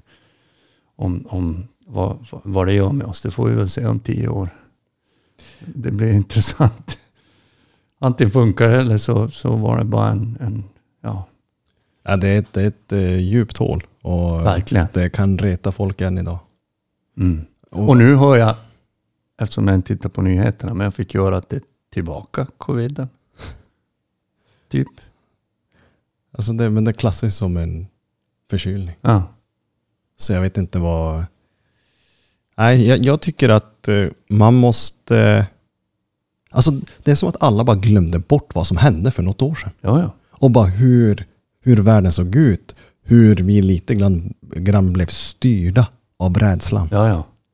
Absolut styrd av rädsla. Alltså liksom, tänk dig dem, nu hade jag turen att ingen av mina nära vänner eller familjemedlemmar gick bort. Och liksom man fick inte ens sitta och hålla om varandra på en begravning. Nej, nej. Det ska de leva med. Bara sådana Och det är grejer. ingenting som de kan återuppleva. De- Det är inte så att de kan MVA om det. Nej. Jag får inte ens sitta och hålla om dig Thomas om vi har ett gemensamt barn här. Nej, nej. Vi ska sitta och kolla på varandra med tårar i ögonen. Ja. Och lyssna på någon präst eller vad Ja, man nu det är så sjukt. Det är så sjukt. Och sen över natten hur det var bortblåst. För att Och då kom bara det någon ny boom. kris. Boom! Och så glömmer folk vad fan det är som har hänt. Ja, ja. Väldigt fort. Men det är lite så här, Mm. det, det är människan, liksom, om man ska vara lite konspiratorisk, eller vad, jag vet inte konspirator, men ifrågasättande. Är, är det så man styr människan? Är det med rädsla? Är det så vi är styrda? Mm. För det verkar ju att om... Det verkar ju som att om man kan få alla rädda Mm. så är det väldigt enkelt att få dem dit man vill. Oh ja. Sen om det var så i det här fallet, det kan man ju ifrågasätta. Mm. Men jag gör det i alla fall. Jag ifrågasätter. Men sen så, ja, pang, nu byter vi kris. Nu blir det krig istället. Mm. Och, så, och över natten. Över natt. Och det jag, tyck, det jag tycker är farligt, det är att vi får i, alltså, knappt sitta här och prata om det. Nej, nej, nej. För då är vi konspirationsteoretiker Ja, ja, ja, ja. och vi är, vi är dum i huvudet. Och, Ja, ja. Men mm, varför kan ni inte ens ha en diskussion om liksom det är så bra det här vaccinet eller någonting. Han bara ska inte ifrågasätta det. Mm, Nej, vänta exakt. nu, men vänta nu. Varför kan vi inte ha den här diskussionen utan att ni blir upprörda? Man får inte ens diskutera det. Det är farligt. Och vart är då samhället på väg? Ja, ja exakt. Det är exakt. tystnadskultur. Ja, ja. Jo. Ja, det är mycket, jag tycker det har hänt mycket tokigt inom, liksom, jag, jag är väldigt open-minded och jag är en öppen och snäll människa. Men jag tycker det är mycket tokighet som har skett sista åren. Mm. Vad gäller mycket saker. Och, och lite där också känner jag att människan, det vi pratade om tidigare, att jag känner att det bubblar. Det är något som händer. Är, det en revolution på gång eller är det något uppvaknande? Eller, för jag tror att det är ganska många som vaknar upp och känner sig lite blåsta. Känner att deras rädsla har styrt hela deras liv i tre års tid. Exakt. Tre år som de aldrig kommer få tillbaka. Jag känner ju själv att de här tre åren är som bara... Det är som bara... Vars, puff, vars försvann de? Va, vad minns man ens? Nej. Jag minns att folk störde sig på mig för att jag inte var vaccinerad. Ja. Det är typ det jag minns. ja, ja, precis. Det bara försvann. Och att, och att jag, hur jag, själv, jag kan så bli sur på mig själv. Att jag... Att, att min egen rädsla till viss mån i vissa fall tog över. Mm. Och att jag satt med mask i min studio och tatuerade folk och erbjöd kunder mask. Och mådde själv piss över det. För jag blev jättedålig av masken. Mm. Och ha på mig den. Mm. Liksom dagarna in, dagarna ut. Det var ständigt huvudvärk och jag mådde illa. Jag Hade du påtryckningar från en högre? Jo, jo, jo men vi, hade, ju- Liksom. vi var ju tvungna att gå efter Ja, som Sverige. alla andra. Ja, precis. Just Så det. här många pers får du ha i din studio. Du, må, du, bör, du ska använda mask. Du ska liksom... Mm. Men till slut sket jag i det. Jag kastade de där maskerna i, i soptunnan. För jag tänkte det här kan inte vara bra. Liksom. Gå ut och andas frisk luft istället. Inte, Hur, hur tog kunderna det? kunder, vi erbjöd ju alltid våran kundmask. Mm. Men det är inte en enda kund som vill ha en mask Det är ju märkligt. under den här tiden. Ex- Ja. Ja. Och vi fick vara åtta pers i våran studio. Vi är ju aldrig fler än åtta pers där. Vi är inte ens åtta pers. Så det var som inget, inget, inget problem egentligen. Nej. Jag kommer ihåg själv, jag var på väg till New York med min familj. Vi umgås mycket och reser ihop, även om vi inte lever ihop något mer. Åkte till New York över en jul och jag fick sitta med den masken på mig i 12 timmar på flyget. Man fick inte ta den, bara då man åt. Och jag mådde så dåligt och vi kom till New York och visade sig att New York-borna använde även mask utomhus. Jag tänkte det här är inte bra. Vad händer med att andas frisk luft? Liksom? Istället för att andas in och ut samma skit. Ja. Nej, det där var en mörk tid. Liksom. Ja. Och, och samtidigt känns det som bara ett töcken. Liksom. Det är som du säger, man kommer inte ihåg någonting av det knappt. Vad kommer härnäst då? Ja, nu har vi ju krigen. Liksom. Men då kommer ju folk vänja sig med det och allt det. Det blir vardag och så sen så knäpper någon med fingrarna och så är det en ny grej. Och då är det bortglömt. Från En ny rädsla. Rädsla är farligt.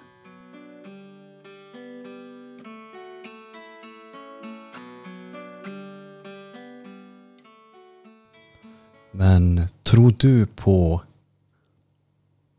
att man kan bli kär? Vi som har pratat mycket intuition och känslor idag.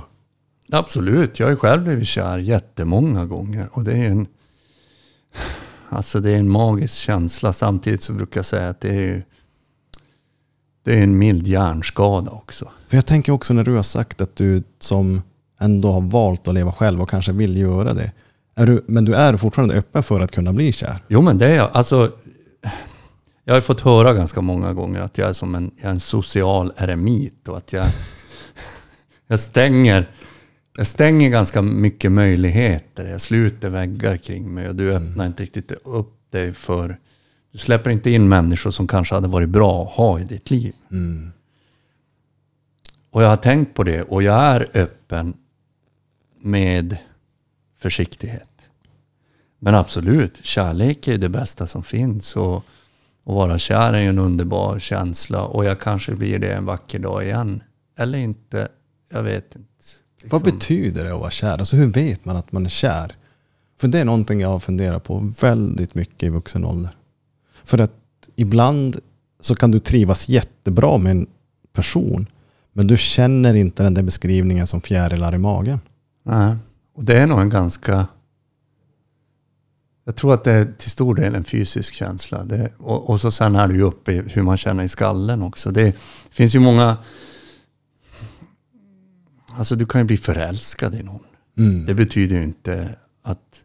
Jag menar som min exfru, jag älskar ju henne djupt än idag. Men det är ju mer en grundad kärlek som Precis. alltid kommer finnas där. Du bryr dig om henne. Ja, det är något helt annat än vad att vara kär är. För mig i alla fall. Mm. För där, de gångerna jag har blivit kär så är det en underbar känsla. Men jag säger att det är samtidigt som en lindrigare hjärnskada. För man tappar ju all rim och reson. Liksom. Man, man gör ju saker man aldrig skulle göra annars. Och man, man tappar sig själv helt och hållet. Och, och bara liksom faller in i det här kär, kärleksstadiet på något vänster. Men sen förälskad kan jag ju bli varje dag. Mm. Men det kan ju bara vara en känsla. vet. Av, av ett möte eller liksom. Och det behöver inte vara kanske kopplat till något annat än en, en, en, ett, ett snabbt passionerat möte eller någonting. Mm. Det behöver inte hålla så mycket substans. Precis. Men det kan ju utveckla till att man blir kär. Mm. Eller inte. Men, men jag tror, ja, hur, fan, hur ska man förklara känslan? Det är ju en speciell känsla och de flesta har väl upplevt det. Och det är ju väldigt fysiskt. Men det är ju även mentalt också. Vi diskuterade det på studion idag och det var så här hur man kan... Du kan ju bli fysiskt attraherad av någon Precis. rent estetiskt. Och det är väl första liksom ögonkastet. Och sen kan det här ansiktet, eller tvärtom, det här, det här ansiktet kan fysiskt totalt förändras när man har lärt känna människan. Mm. Antingen åt det hållet eller åt det andra hållet. Det kan vara en människa som du initialt inte känner fysisk attraktion till. Men man connectar på ett sätt så att det blir, man blir otroligt kär i den Exakt. här människan. Mm. Och då har det absolut inte med det estetiska att göra. Och sen finns det väl liksom stadier också i det hela. Sen kan man väl bli liksom... Ja men det här, sen, man, man kan ju se det till... En del kanske inte behöver, liksom det finns ju passion och, och man bara rent ska gå ner på primala behov. Mm. Du vet, fysisk Precis. tillfällig, tillfällig kärlek. Mm. Och att den kan betyda att vara så kraftig där i stunden. Men efter det så är det ingenting annat än det. Det kanske inte är en djupare form av kärlek. Men kärlek, jag känner ju kärlek för många vänner, liksom mina barn. Och, men det här att bli kär. Mm. Jag vet inte om det finns något rätt eller fel svar på den frågan. Nej, och, nej, vad är det? Det är väl olika saker för olika människor. Men alla brukar ju säga att det är någon form, just det här med fjärilar i magen. Precis. Så det är väl någonting, någonting fysiskt som händer då. Känslor. Ja men precis, och jag tror att det är just därför som jag sa det. Jag har tänkt på det, för att jag känner inte de där tonårsfjärilarna någon mer. Men däremot kan jag vara väldigt tillfreds i vissa sällskap och känna att jag hade kunnat dö för den här personen. Ja. Men är det då, har du då blivit kär eller är du... Precis, eller, vad är, är det? det, eller är det en annan sorts kärlek? Precis. Kan jag ens bli kär som den beskrivs i folkmun? Ja, ja jag vet inte. Alltså, ja. Behöver man bli kär för att kunna skaffa en partner? Eller behöver man bara Nå, känna Det kärlek? beror väl på vad man är ute efter i partnerskapet antar jag. Eh, alltså jag kan ju bli förälskad i, i människor. Jag kan bli otroligt förälskad i någon som jag träffar lite nu och då och då och då. Och man blir lika förälskade varje gång. Fast emellan mötena Mm. så finns det inte. Okej. Vad är det för sorts av kärlek? Ja, vad är det? Ja. Och kär kan ju vara också sånt här att man brukar säga man fjärnar magen, rosa molnen och så sen så Blinded by love, du vet. Mm. Anything goes. Hjärnskadan. Och så sen faller man ner från, från det här rosa molnet. Och då blir det ju antagligen där och då någonting djupare. Eller så faller det sönder. Mm. Kan jag tänka mig. Eller så, har det nog varit för mig. Jag har inte haft så många, jag har haft få långa förhållanden. Okej. Typ. Nu har det ju bara några, några korta. Men om man, ska, om man ska kalla det för förhållande. Jag kan inte kanske kalla ett tillfälligt möte för ett förhållande. Men, Mm. Eller det är ju också ett sorts förhållande såklart. Men om, om man ska se till det normiga förhållandet som vi har idag. Jag vet inte, där har jag också varit lite svår. Jag har- jag hade en kompis till mig som förklarat för mig att Thomas, det, den här normen, det här förhållandet som vi är van med, det är en omöjlig ekvation. Mm. Du måste tänka efter, det går inte. Du kan inte hitta en människa som du ska leva med resten av ditt liv. Ni ska gå hand i hand efter den här vägen. Exakt samma visioner, exakt samma liksom. Förr eller senare så kommer det börja grena sig och ni kommer gå åt olika håll. För vi växer som människor. Mm. Och vi har, jag menar, som ser, ser till vardagen. Du har ju människor, du har ju polare du är och klättrar med. Du har, du har polare du åker skidor med. Du har andra vänner som du får och gör det med. Du har dem du ligger med. Du har dem du ser film med. Du har dem du umgås med på det sättet. Ska, ska man få in allt det här i en enda människa? Mm. Hon sa det går inte. Så därför måste öppna relationer vara, vara framtiden. Mm. Men då måste vi komma bort från normen som vi är van vid. Precis. Det är liksom, nu är du min, jag äger dig. Precis. Du vet. Provide and protect. Exakt. Att man ska kanske kunna ha sådana människor som man lever med fast man gör inte allt med dem utan man kanske gör andra saker.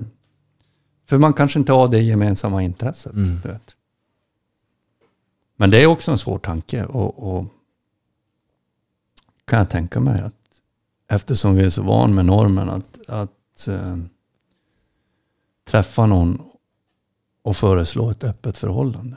Mm. Det behöver inte betyda att kärleken är mindre. Det kan fortfarande vara samma kärlek. Och då kan man säga initialt känna, men jag vill inte dela dig med någon annan. Men jag äger ju inte, du, du måste få göra vad du vill. Våran kärlek behöver inte påverkas av det ändå. Mm. Men, men jag tror att det är en svår grej att få funka. Precis. Men för henne var det liksom en, en no-brainer. Det, det är så här det måste fungera. Mm. Vi kan inte vandra hand i hand resten av livet och tro att vi kan göra alla dessa saker tillsammans under tiden som vi växer som människor. Mm. För man kan ju växa och man förändras som människa. Jag har ju förändrats otroligt mycket som människa under de senaste 15 åren. Vem gör inte det? Mm. Ska man då förvänta sig att sin partner förändras med en? Eller ska man acceptera att man liksom går åt olika håll men ändå försöka hitta någon gemen... Jag vet inte. Mm. Det är intressant Ja, faktiskt. och, och sen är det det där också att det ska ju vara vad man brukar säga? Unconditional love. Men Mm. jag tror inte att det finns någon kärlek som är ovillkorlig, alltså villkorslös. Det ska vara kärleken till ens barn. Då. Mm. Där kommer man att närmast. Kanske inte ens den kärleken är helt villkorslös. Jag vet inte. Mm. Och kravlös. Jag, jag, jag tänker att i ett förhållande så, så vill man ha harmoni.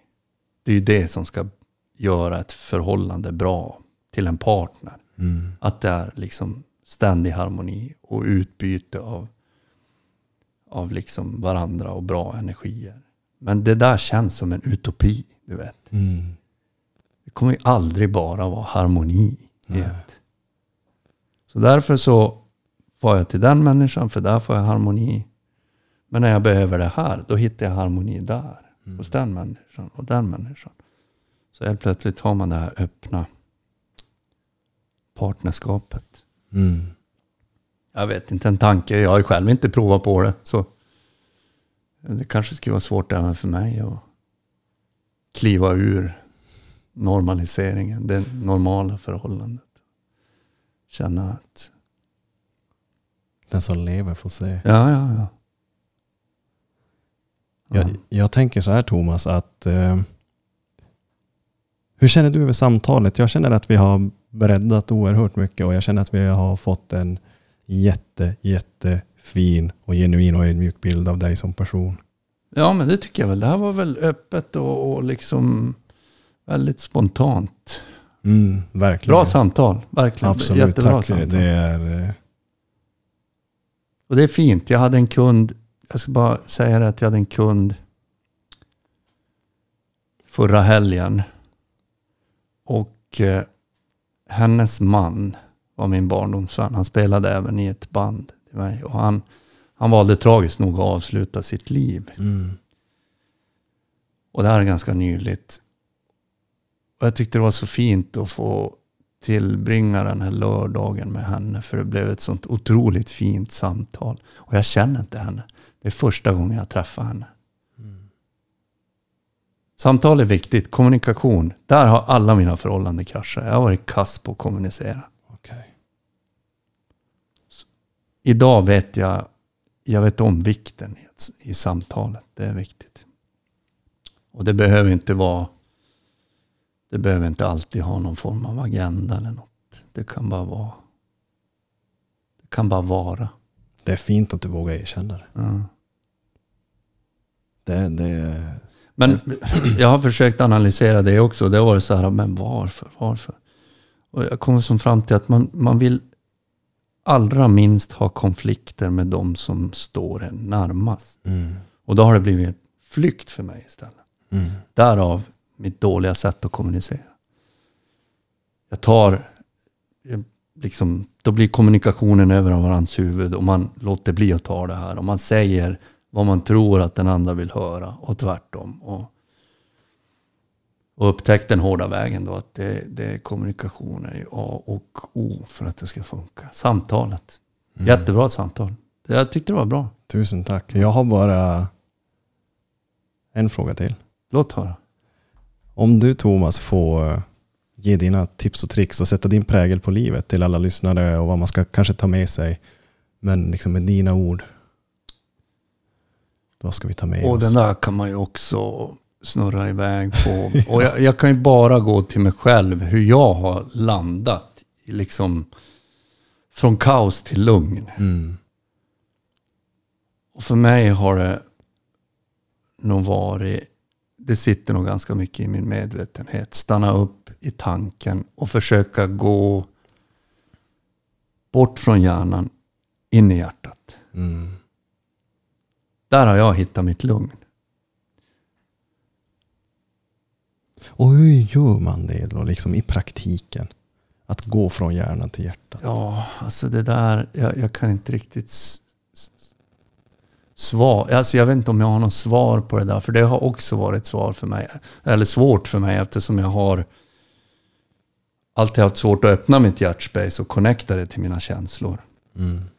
I mitt fall kanske det var att när jag känner för att gråta, svälj det inte och harkla. Gråt. Mm. För jag har aldrig gråtit i hela mitt liv. Ytterst få gånger. Av någon anledning. Men det var, det var... Jag vet inte. Jag, jag tror nog att jag var... Jag, jag var nog bara tvungen att släppa taget och släppa kontrollen. Du vet, och, Mm. och något som också har gett mig mycket lugn och frid. Det är också tacksamhet. Och vara tacksam för det jag har. Jag mediterar mycket på tacksamhet. Och det har jag aldrig gjort förut. Mm. Man tar bara allt för givet. Liksom.